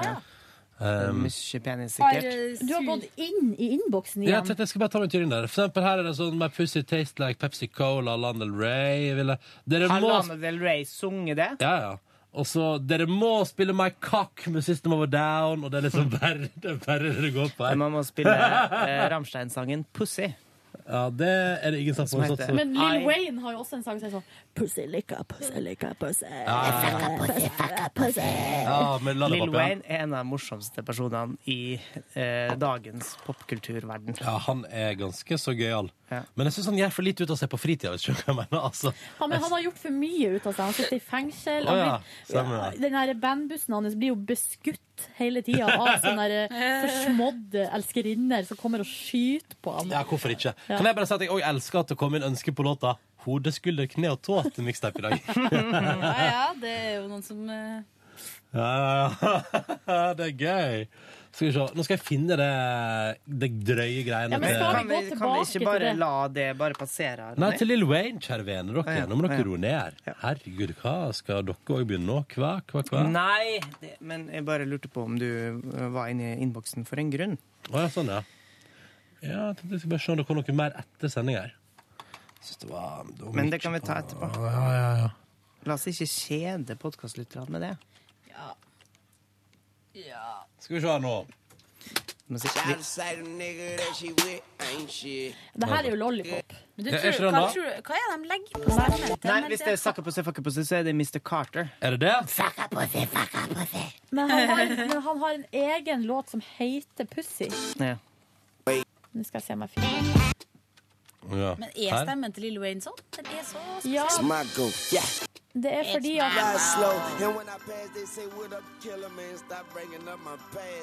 Det er jævlig kult sang. Han er rå, da. Mr. Carter, hello. Den stemmen er fra sånn sirup-drikking. Han- Det er jo sånn hostesaft som han rusa seg på. Som, Hvor er eh, det? Der, ja. Der, ja. Fant det. fant det, fant Sier det. du det? Har du lest det en plass? Eller? Nei, det, Det her det, er noe av det, morsomste Ja. i pop- on my Libra popmusikk. scale. I suck a pussy, fuck a pussy, leave it there. Long hair don't even care. Mr. Carter. Er skamløs type. Ah, Men altså, Men det er etter er uh, grønn, den der. Justin Bieber har blitt tatt bilder av på ulike nachspiel med weed-røyking, men der Mm. ble det jo sagt at det også sto sånne syrup-flasker på bordet. Ja. Som er sånn der eh, hostesaft som de driver og drikker og men Er det hostesaft godt? med noe alko i? Er det noe Nei, det, rusgreier? ja, det er et eller annet som gjør at man blir eh, Det finnes jo hostesaft liksom vi har i Norge. Hva heter det? Kosylan. Kostylan med sånn morfin i. Å, Men jeg herregud, vet, det er ikke, jeg, ja, men jeg vet ikke om det er det. Det har jeg aldri smakt. Så det det var ganske digg. Men morfin man- er jo digg! Ja, men mor, Jeg har er hatt i meg så sykt digg. skammykje Da jeg brakk beinet, så ble jeg liggende bak i en ambulanse. Fordi jeg måtte jo ligge og vente så forbanna lenge vet, før de kom og henta meg. Eh, altså, jeg lå på sykehuset, da, men jeg skulle jo operere i en annen by. Eh, og da var det ambulansepersonell som var raus med morfinen. Ja. Eh, og det jeg fikk lære baki der, var at eh, ja, gjør det vondt? sa de. Ja, selvfølgelig gjør det vondt ja, å bruke beinet. Ja, men det skal ikke gjøre vondt. Um, og ja. jeg tenkte at det gjør jo vondt å brekke beinet. Det Ja. får ikke til at det ikke skal. Men det kan jo få det til å ikke gjøre vondt. Og da gjorde de det. Eh, Skal ikke ha vondt i livet. Sånn. Nei, jeg syns det er litt rart, for da vil jeg heller, jeg vil heller være liksom bevisst og kjenne smerten Ja. eh, enn at eh, altså, en Nei, fullstendig kvesta fot skal ikke kjennes ond ut. Så Men det er jeg ble, var sånn- meget lystig og nokså useriøs da jeg altså. kom fram på Men litt etter hvert så vil du jo egentlig ikke få så vondt. Det er ikke ofte sånn når man får ganske sånne skader som egentlig er jævlig vondt, så er det er så vondt med en Ja, gang. men med en gang går du bort. rører på deg, så blir det jo vondt. Du kan jo Ja. ikke røre deg. Nei, for det kan da- du ikke. Men jeg har jo lært etter mine utallige turer på sykehuset at de spør jo sånn Hvor vondt har du på en skala fra 1 til 10?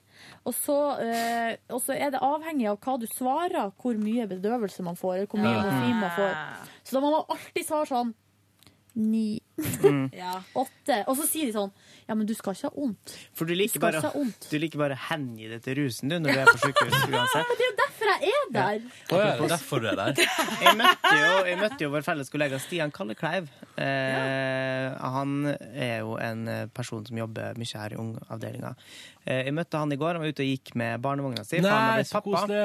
Eh, og eh, åpenbart veldig eh, litt sånn underfora på Fordi han var pratsom. Ja, men men Under fora på sosial med kontakt. baby hele Ja. tida. Ja, men han snakka masse om baby nå.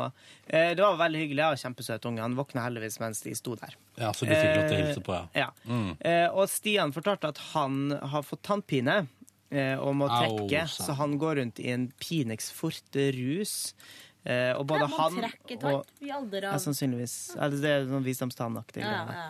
Eh, og så fortalte han at sønnen hans sliter jo med at han driver og får tenner nå. Så de har liksom samme greia. Ja. Men tannpine, for at jeg har hatt betennelse i alle fire visdomstennene Ja, mine og trekt alle. Den ene måtte opereres ut. Mm. Aldri brukt Pinex for tannpiner. Jeg tror nok at det kan ramme forskjellig. Kall deg pingler, da, Silje. Kall deg pingler. Men du altså- skal ikke bruke smertestillende sånn på den måten. Jeg fjerna jo Jeg måtte operere Men her sitter du fire. nettopp og preker om rus og forrus i sykehus. Ja, når man blir operert, så syns jeg det Ja, er sånn, greit å få, Mm. få på noe morfin. Men bor jo ellers Skamløs eh, Nordnes. vet jeg, måtte, jeg, jeg måtte operere ut alle fire, så fikk jeg, skulle jeg være med på sånn testforsøk. Da fikk jeg det gratis. Og da peiser de morfin rett inn i eh, blodåra, i armen.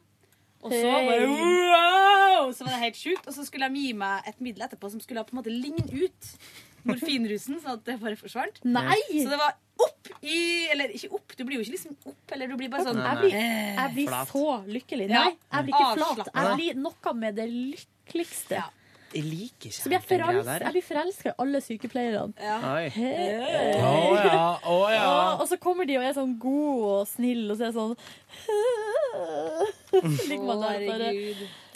Men eh, min, min holdning til smertestillende er at når, man er, når det er står på, altså når man opererer, eller når man trekker noe, eller når man knekker noe, mm. så kjører man på hardt eh, noen dager kanskje med Ja. morfin. Og så eh, etterpå så må man eh, Så må det fases ut. Man Jeg vil fortest mulig av. jeg. Jeg liker ikke å være på. Nei, det er det jeg også mener. Du skal ikke ligge hjemme og knaske på Pinex Forte. Jeg har brett med Pinex Forte liggende hjemme, så, men det er en slags sparing. For at hvis jeg blir blakk, så skal jeg dra og selge det nede i byen. Nede i Stian Kalle. Kleiv. Til Stian Kallekleiv, ja. Ja. Han Wow. er hans pusher. Nei, jeg mener, det er skummelt med smertestillende. Ja. det, er ikke, det er ikke noe man skal leke med. Nei, før man vet ordet, så står du der på plata med knekk i knæra, ikke sant? Men sånn fra spøk til alvor så kjenner jeg jo på at uh, man skal være litt forsiktig. Ja, Ja, ja, Nei, jeg, jeg, jeg, Jeg er sier jo det. Du skal være forsiktig. Jeg var såpass forsiktig. eh, Da var jeg så forsiktig at jeg var litt teit, da. For da jeg kom inn på legevakta med den nevnte brukne fot, så spurte de vil du ha smertestillende. Nei. Nei, det vil du ikke. Svarte da av en eller annen grunn. For jeg tenkte at dette her skal jeg bare puste meg gjennom, liksom. Men jeg har også sagt nei til smertestillende da jeg skulle ta sånn koloskopi, eh, kamera oppi Hello! Og da Altså hello nummer to, altså. Ikke Ikke her. Nei, Ikke hjem. Ikke Nordkjosbotn, men Nei, eh, den Brundalen. bak, baki Brundalen. der. Ja. Så eh, da hadde jeg fått Da sa jeg jo spurte, De spurte skal du snart til landet. sa jeg nei, fordi at jeg hadde fått for mye, syns jeg. Nå ble det for mye. Mm. Og så, eh, halvveis opp i systemet, så angrer jeg meg noe Ja. fryktelig. Så sånn- Men da var det for seint. Så er det sånn Nei. Ja. Oh my god. Fy Ja. Sånn. faen. Eh, men det gjør ikke vondt. Altså, det her eh, Jeg syns ikke det gjør noe å prate om det. Syns dere det gjør Men det noe? smøres. Det smøres. Det gjør, er liksom- ikke, det gjør ikke vondt helt nederst. Det gjør vondt det. altså, det det gjør, Nei, det gjør ikke vondt der i det hele tatt. Nei, nei, men lenger inn der. Det gjør vondt inni magen. Eh, Ja, så, ja.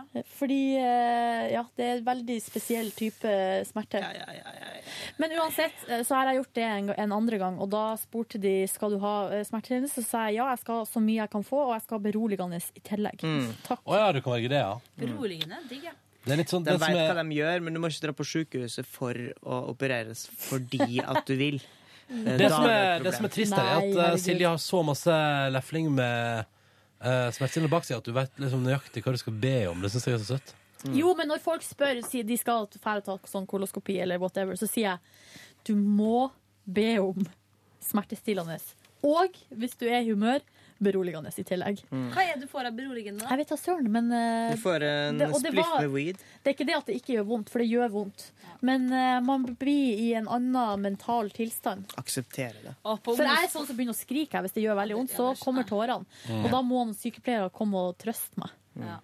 Og da skrik, eh, for eksempel på Vestlandet og, og Nord-Norge og sånn, da sier man skrik som å gråte, Ja. og ikke skrik som i Gråt, det finnes Edvard ikke. Jeg- til Det finnes ikke i mitt vokabular. Jeg kan Nei. ikke si gråt på en vanlig, normal Jeg si måte. Nei, jeg kan si grine og uh, skrike.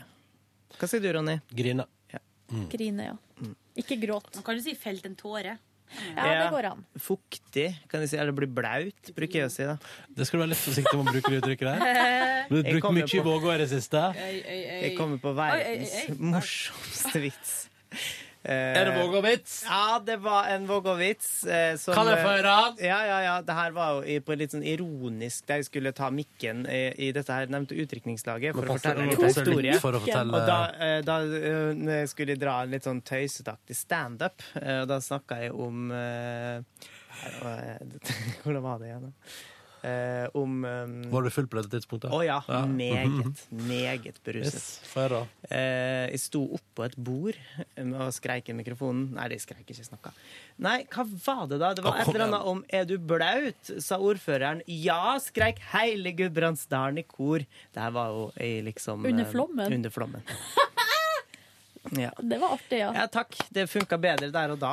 Jeg tror det funka som ei kule der. Mm. Bare bruk den på scenen, hvem som helst. Bare eh, Kjør på. Bare ta den, dere. Er gøy hvis noen gjør standup-karriere på den vitsen. nå, da, Yngve. Mm. Ja. Vet dere hva jeg gjorde på i går, eller? Oi. Nei! Skal Du var på si ettermiddagen på TV 2. Ja, Ja, det det var du, ja. Hvordan gikk det? Nei, jeg så ikke på det. Det gikk bra, det.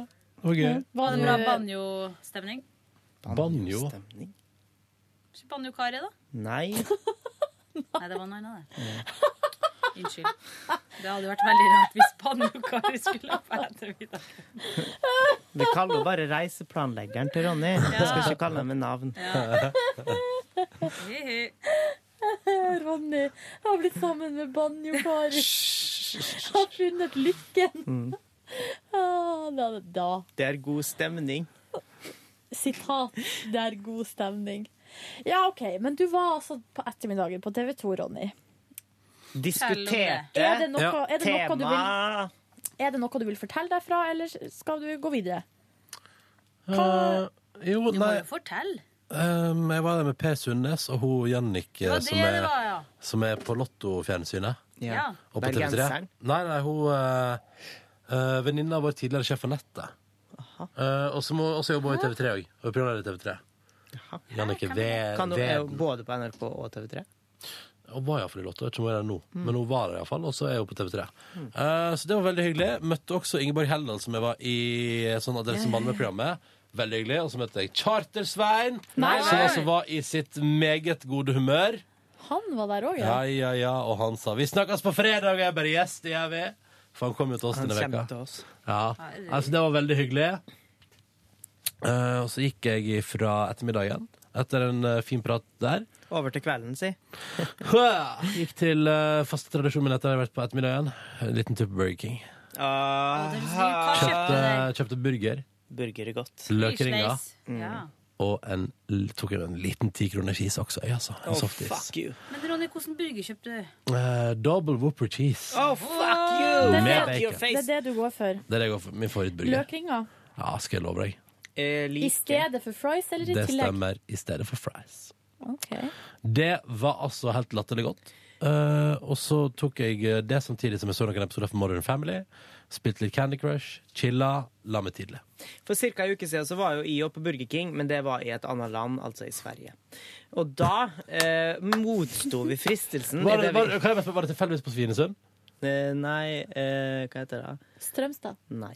Den andre. Det er jævlig rart navn. Tøkkfors. Tøkkfors. Jøss. Ja, ja. Kjører over fra Mysen. Ah, Eh, da eh, motsto vi fristelsen, for vi var på vei opp fra parkeringshuset i også broren til brudgommen, altså forloveren. da.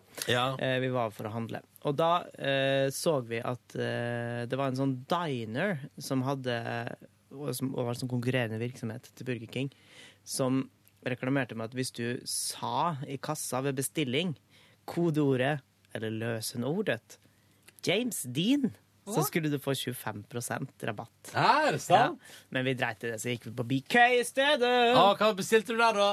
Whopper cheese. Oh, yeah, Mhm. yeah. Altså, Burger King er så jævlig godt, det. Men isen der altså, har ingenting eh, Altså kan ikke på noen som helst måte måle seg med en god McFlurry. Å nei. Jeg husker en gang, andre gang jeg var i Sverige, det var lenge siden nå, da. Uh, da kjøpte jeg McFlurry, og så flørra den ikke. De bare fylte den med sånn pulver.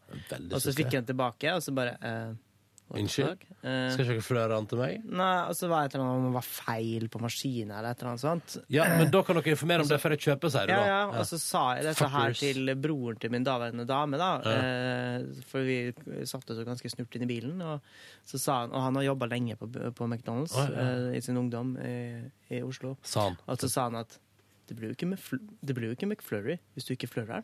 Nei. Mm. Og det er det beste han har sagt. Mm. Det Um, burde du trykke opp T-skjorte. Første gang jeg var på Mac-en, var på, i Stockholm. Ja. Kan jeg fortelle om. Ja.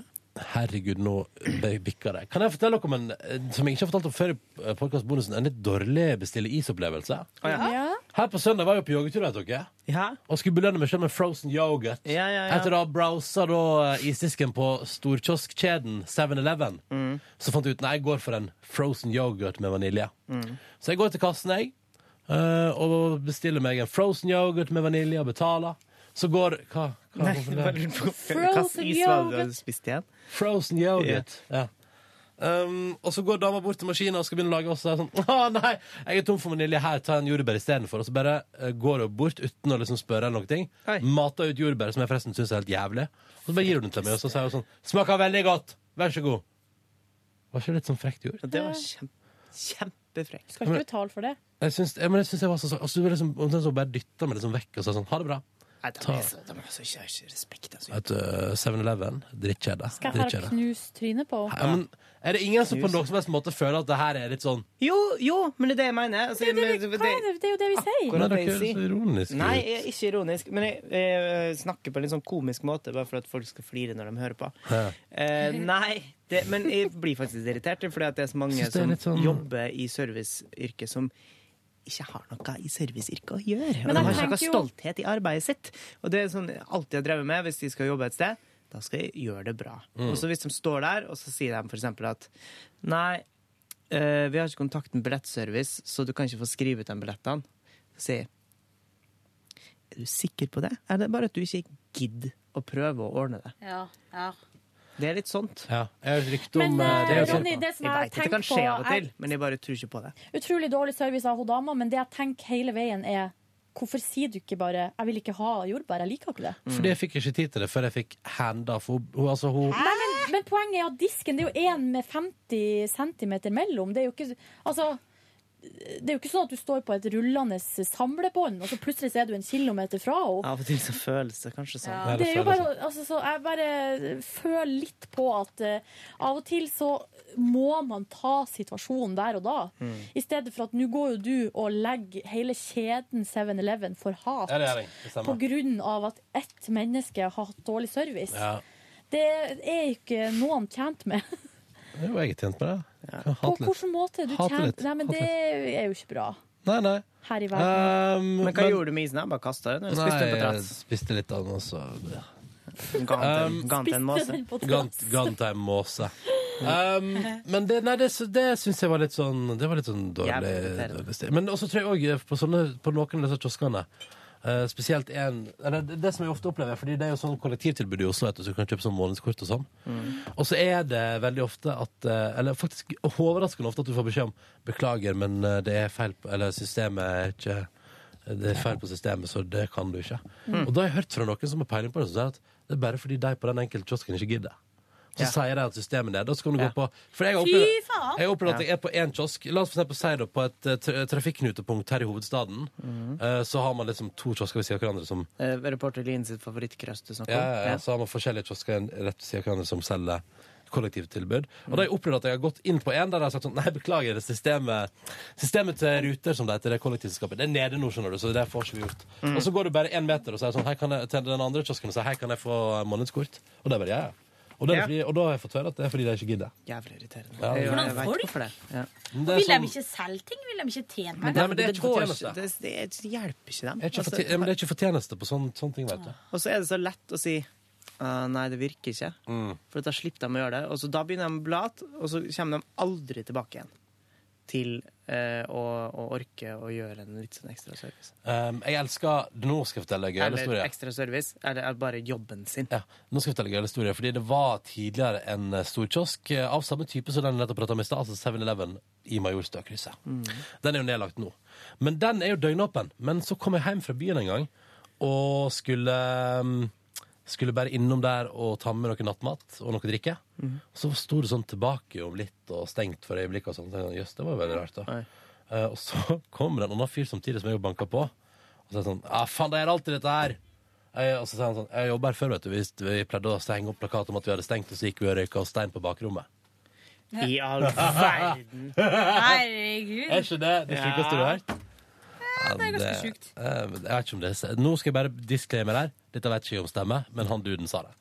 Men jeg, kjæresten min har jo jobba på en eh, stor eh, kjede der det ble røyka også mye. Det ble det, ja? Å ja. så det- Spliff? På jobben? Spliff, På jobben, ja. Toga? Nei, hun gjorde ikke det. Eller, men det var Men det er jo det dummeste du kan gjøre. Altså. Hadde det vært noe amfetamin, fått opp noe Høy høyenergi Men jeg tror ikke de gjør det for å øke sin egen arbeidsinnsats. Det tror ikke jeg. Men var det den der uh, hasjsalghistoria du kjørte nå? Ja, ja. Ja, den er fin. Men altså, Folk blir jo så sløve, jeg skjønner ikke. Jeg, kan jeg bare, apropos, kan jeg bare fortsette på uh, storkiosken 7-Eleven og historie? Ja. Det var en sak i Bergens Tidende for noen år siden der det handla om en eh, 7-Eleven-ansatt som hadde gått helt av, av banen og hadde mista pølsa han skulle selge til noen på gulvet, for så å plukke den opp og prøve å fortsette å selge den. Og sånn. Og det var helt sånn, han hadde ikke tatt imot penger og sånn. Fordi han var ekstremt tydelig rusa på jobb. Altså, så elsker at det høres helt sånn sjukt ut. Så det er selvfølgelig en fyr jeg vet hvem er, fra Førde, som har stått der. Og vært sånn grisestein på 7-Eleven i Bergen. 7-Eleven sliter litt med rekrutteringa si, er det lov å si? Nei, men altså, så mange ansatte som den kjeden har. Det er jo øh, Den er jo over hele verden. Jeg tror ikke det finnes noen annen kiosk som har så mange ansatte. Da må det jo være noen øh, Hva heter det? Dårlige Ja. Bad seeds. Bad seeds. Men ring meg når det kommer en sak om at en del av De Luca, som jo er en konkurrerende storkiosk Ring meg når det kommer en sak om at en ansatt der har gått på en sånn smell, da. Men det, det jeg tviler ikke på det ett sekund at det er noen udugelige folk som jobber på det. Ja, ja, ja, ja, ja. Jeg bare sier at 7-Eleven har hva, hva skal man si, litt dårligere eh, Omdømme. omdømme. For Det er fordi at de har eksistert lenger, tror Ja. jeg. ja, det er kanskje det. Det har vært litt sånn Ja, det blir vel litt etter hvert. Gå litt nedover. Rakna litt. Åh, Det er så rart vær for tida. Det er liksom meldt bare sånn regn, solregn, solregn. solregn Mm. dagene sånn som det var i hele fjor sommer. Men det blir liksom, jeg klarer ikke å forholde meg til det. Skal man ha på shorts? Skal jeg på støvler? Eller skal jeg Nei, det er helt umulig. Skal jeg Ja, si hva jeg gjorde i går, da? Ja. Ta det litt uh, kjapt, for det var ikke noen sånne svære greier. Men uh, jeg lagde jo, det fortalte jeg på sendinga, at jeg laga wok hjemmelaga. Var dritfornøyd med det. Spiste så på Arrested Development. Og så hadde jeg egentlig Eller jeg hadde planlagt å dra på yoga, men altså gikk i eh, koma på sofaen. Og da la jeg meg liksom så Nå er det 20 minutter til jeg skal ta bussen, og så la jeg meg liksom tilbake. og sovna i en sånn brøkdel av et sekund. Og så klarte jeg pinadø meg å komme meg opp av sofaen. Oi! Ta på meg klær og gå og rekke den jævla bussen. Det er en viljestyrke. så var jeg på yoga, og det var, det var så fælt, eller det var så vondt og slitsomt, og det varer jo en og en halv time. Og, jeg bare, og så er det jo sånn her Det er lenge, ass. Eller, ja. Og så er det tre minutter helt på slutten der man liksom Der hun dama slår av lyset, og så, legger, og så får vi sånn pledd, og så ligger vi bare og og så er det sånn, så er det sånn pling-plong-musikk, og så ligger vi bare der og slapper av. Og det var det, altså jeg bare gleda meg gleda meg, gleda meg, gleda meg, gleda meg til det. At hun skulle slå av lyset, og at jeg skulle legge meg under et pledd. Jeg var på yoga ved et par anledninger. Eh, I forbindelse med et eh, ja, ikke ikke suksessfullt spagetti Spagetti, hvorfor kaller det? Spagatprosjekt. Kan jeg bare kjapt Nå har jeg fått tekstmelding fra et ukjent nummer der det står Hei, jeg er mongo som ikke hadde på alarm. Jeg er på vei i taxi om to sek. Det er Jonas Bøttger. Er det Bøttger? Nei. Å nei, Men ring han stakkar. Det var jo derfor jeg gikk ut for, eh, Jonas Bøtte. for fire minutter siden for å ringe han. Ah, stakkars Bøtker. Jonas Ja, Bøttger men han har ikke fått den beskjeden, så VJ, han eh, eller? var jævlig stressa. Men nå går det bra. videojournalist Da lagrer her jeg i nummeret hans. NRK. Og han eh, skal filme når Ronny og Silje skal ut og spille fotball etterpå. Eller Ronny skal spille fotball, og Silje skal stå og se på heie. Jeg skal stå og se på hei. Kanskje jeg skal være med litt på oppvarming. Men det skal bli være min treningsøkt i dag. Mm. Andre ting Jonas har gjort for oss, er f.eks. Silje går fem mil. Ja, stemmer det. Eh, Søkte opp på internett. Ja. Um, Var det noe du skulle si om yogaen som du hadde vært på? Ja, det var det. Jeg tror jeg nevnte før. For du skulle gå i på. spagaten. Det var et Ja, sånn, og da eh, var det liksom for å prøve å bli mer tøyelig, så prøvde jeg yoga. Og da, første gangen jeg var der, eh, så eh, skulle man legge seg ned på slutten. Da tror jeg at jeg sovna og snorka Ja. Ja. på rygg. Mm. Sweetness. ja, for jeg våkna så hadde jeg litt sånn rar følelse bak i halsen. Så det kan nok være det. Enten det er så noen gagga meg eh, mens jeg lå der og sov. Jeg håper det skjedde. Nei, det håper jeg ikke skjedde. Altså. Det, det er dårlig gjort. Etter er Dårlig gjort.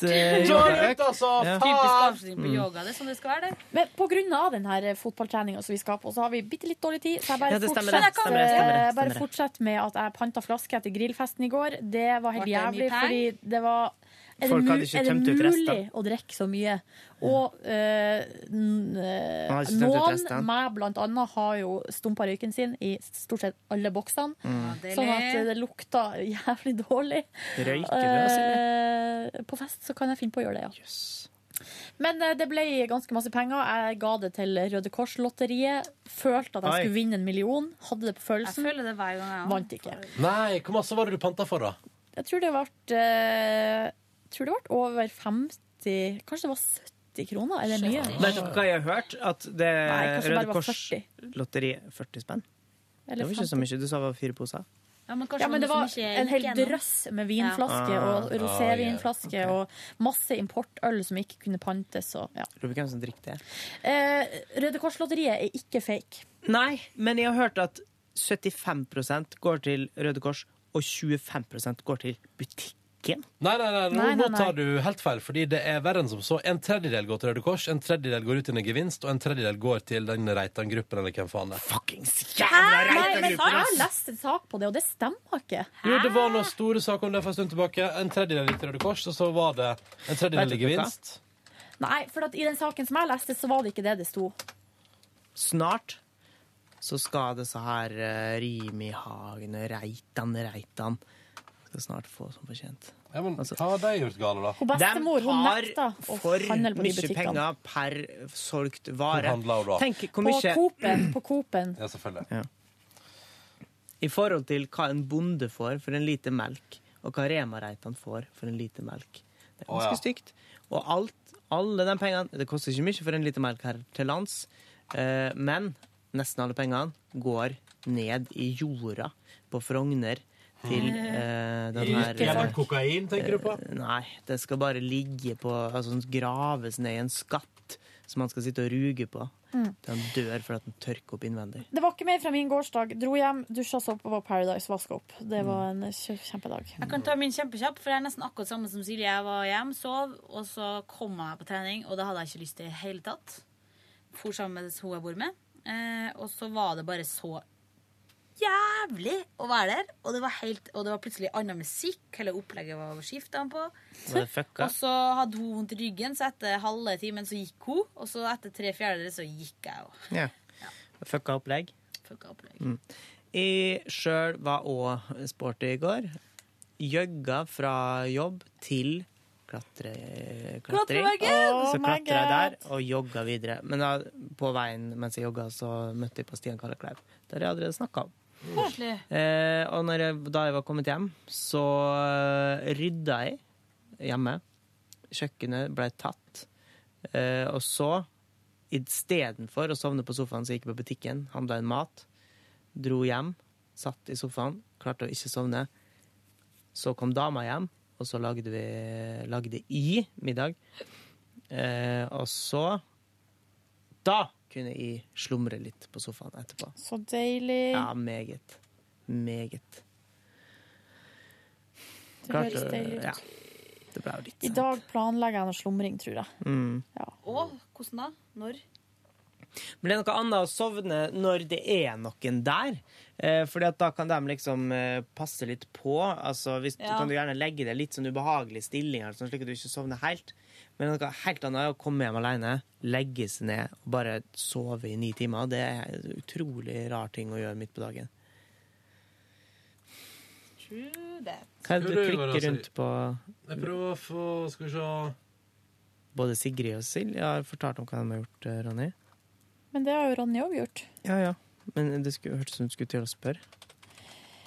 Skal jeg ta en mail som vi har fått apropos eh, brennesle på tissen? Ja! Eh, fordi eh, vi fortalte jo i går Ja, bra at at du tar den, for den hadde jeg eh, tenkt å ta. Ronny holdt på, og på lørdagen så var jo Ronny og brant seg på tissen på brennesle. Ja, eller som, vi kal- som man kaller det, eh, var en eh, liten tur på gledeshus.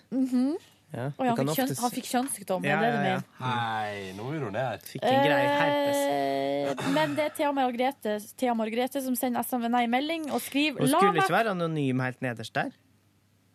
Nei. Nei, Okay, Eh, hun skriver La meg fortelle en historie fra russetida mi. Jeg var ute og rulla med en buss, og det var tissepause i et lite skogholt-ish-ting langs veien. Så Mm. det er jo et skogholt-ish. Sannsynligvis en busk midt i byen. Dritings som jeg var, sjekka jeg ikke helt hvor jeg satte meg ned for å tisse, og lot det stå til. Vel, jeg hadde satt meg ned i ei eng av brennesle. Det svei og svei og svei og svei, og svei, og svei, og jeg drakk masse, masse, masse øl for å døyve smerten. Det fungerte der og da, men dagen etterpå sved det like mye. Gangen min tilsa at jeg hadde hatt heftig sinnssyk sex hele natta, men jeg kan love deg at det ikke akkurat var tilfellet. Ikke putt tissen i brennesle, det er dumt og jævlig vondt, skriver Thea Margrethe. Men jeg har så mange spørsmål. å leve seg sånn inn i det at jeg skal forklare gangen, så er det hvis du hadde hatt heftig, sinnssyk sex hele natta. Eh, Sånn så det ut. Men det, går man da som å liksom Dagen etter? Ja. Ja. Hva, er det, Men- hva er det du lurer på? Nei, jeg lurer på så masse, for eksempel sånn Måtte hun til Hvordan ser hun ut, altså? Hvor, hvor, hvor gammel er hun nå? Har hun kjæreste? Sånne ting. Nei. Nei, du Mer har jo sånn- sexprogramleder, Ronny. Nei, nei, nei, nei, det er bare litt på sånn altså, hvor, hvor, hvor, hvor jeg, jeg skulle gjerne Jeg skulle gjerne den e-posten Jeg skulle ønske, kjære deg, at den inneholdt mer info om liksom, hvor vondt var det, hvordan føltes det. Eh, Men jeg, måtte altså, hos, altså, jeg tror ikke Eller hvilken annen måte skal man beskrive det enn at det svir noe helt jævlig? Ja, det er kanskje det. Mm. Måtte du til med noe helbredning? Måtte det, måtte det aloe vera til her? Altså hva Skal Ronny hjelpe? Det er vel egentlig Nei, slutt, ikke gjør det sånn! Skal Ronny komme og smøre på noe salve? Ja. Hæ? Skal jeg pisse på det? Ai, ai, ai. Nå prøver jeg å finne ut på eh, det pantelotteriet her. Ja, gjør det. Jeg prøvde Mm. også å finne ut av det, det var ikke så lett. Skal vi se. Det eneste jeg vet, er at eh, Ah, jeg glemte å fortelle hovedsaken i går. Ja. Eh, i, da jeg skulle på butikken, så var det jo eh, Hadde jeg et flakslodd som jeg hadde en 50 kroners eh, gevinst på, som jeg tok med og leverte inn. Tok det ut i to nye flakslodd, gikk hjem, skrapa, vant nye 50 kroner. Nei! Så eventyret gjentok seg, og kanskje i morgen så skal jeg vinne en million kroner. Å, så spennende. Kanskje to. Å, ettersom jeg jeg kjøper to håper du vinner en million. Jeg hadde følelsen Jeg hadde følelsen Jeg satt, så for meg at liksom 10 000 spenn kommer jeg til å vinne uansett. Kanskje til og med en million. Hvem skal jeg si for at det først? Eh, jeg tror den første jeg kom til å sagt fra til, er naturligvis dama som sitter ved siden av. da. Og så kanskje jeg hadde eh, ringt til min beste venn og sagt det. Og så kanskje jeg hadde sagt det til dere òg. Men du, hva tror dere altså, Veldig ofte når jeg skraper lodd, så, så ser jeg feil når det står sånn, eksempel 100 000, så står det 10 000, så ligner jo litt tallene Ja. på hverandre. Mm, mm. Men Hvor hvis mange du, lodd har du hvis du ser feil, og så, er det, og så Mhm. kaster man det, hva skjer da? Er det sånn at de liksom Å nei, nå har vi et lodd med Ja, nei, det har, altså, nei, det Norsk Tipping har masse uavhenta premier, liksom. Masse. Men dere, jeg har funnet ut av det. Jeg har funnet ut av det. Hør her. Her er clouet. Din side skrev i 2011 at uh, det er ca. Altså 33% går til nye gevinster, altså gevinster for å lønne ut igjen det som Ja. andre Mm. folk kan vinne. Så er det ca. 33% som går til eh, Røde Kors. Og Norsk Underholdningsspill sitter igjen med de siste rundt 32 ja, okay. Av disse går ca. 9,8 til butikkene. Så med andre ord, en tredjedel av det Det var det jeg sa i stad. Men det er ikke en tredjedel som går til butikken. Det er Nei, ikke sant. En tredjedel går til til å bedrive lotteriet, en tredjedel går til gevinster, og en tredjedel går til Røde Kors. Det er ikke en god deal. Nei, det er ikke en god deal. Sånn. Ja, men det er jo mer, altså, det er jo, det er jo mer enn om det skal gå ned i egen lomme. Men det er ikke mer enn at hvis du tar ut de pengene og så går og gir dem til Til Røde Røde Kors eller. Frelsesarmeen. Men det gjør jo ikke folk, så jeg ser poenget til Nordnes der. Ja, men det er likevel litt misvisende når det ikke står noe om det sånn, opplyst på Du må inn på internett, grave det ned i et arkiv tilbake til 2011 for å finne ut hva det faktisk er snakk om, når det bare kalles Røde Kors-lotteriet. Jeg pleier nå Men jeg det pleier gjelder jo å all, Du kan all argumentere velde- videre, det men du skjønner jo hva Nei, jeg mener, Jeg skjønner Silje. hva du mener, men det Ja. gjelder jo når det står, det står på automaten òg, så står det overskuddet går til Røde Kors. Så det, og det gjelder jo all veldedighet. Og det er jo også der Hovedkritikken mot veldedighet går jo også på det. Hva skjer, Sigrid? Foten min sovna så mye at det er så jævlig vondt. Åh. Er dette et tegn på at vi skal gi oss? Sigrid er så Skal vi tisse på? Ja, men det var faktisk helt Jeg har aldri hatt så vondt av det. det er Skal vi liksom helt tisse sånn- på det? Kan ikke stå på det. Da tisser vi på det. Det ligger Sigrid her over en stol. Herregud, hvor dramatisk du er. Men Hvordan har du sittet? Har du sittet oppå? Jeg hadde jo foten opp sånn. Ah, ja.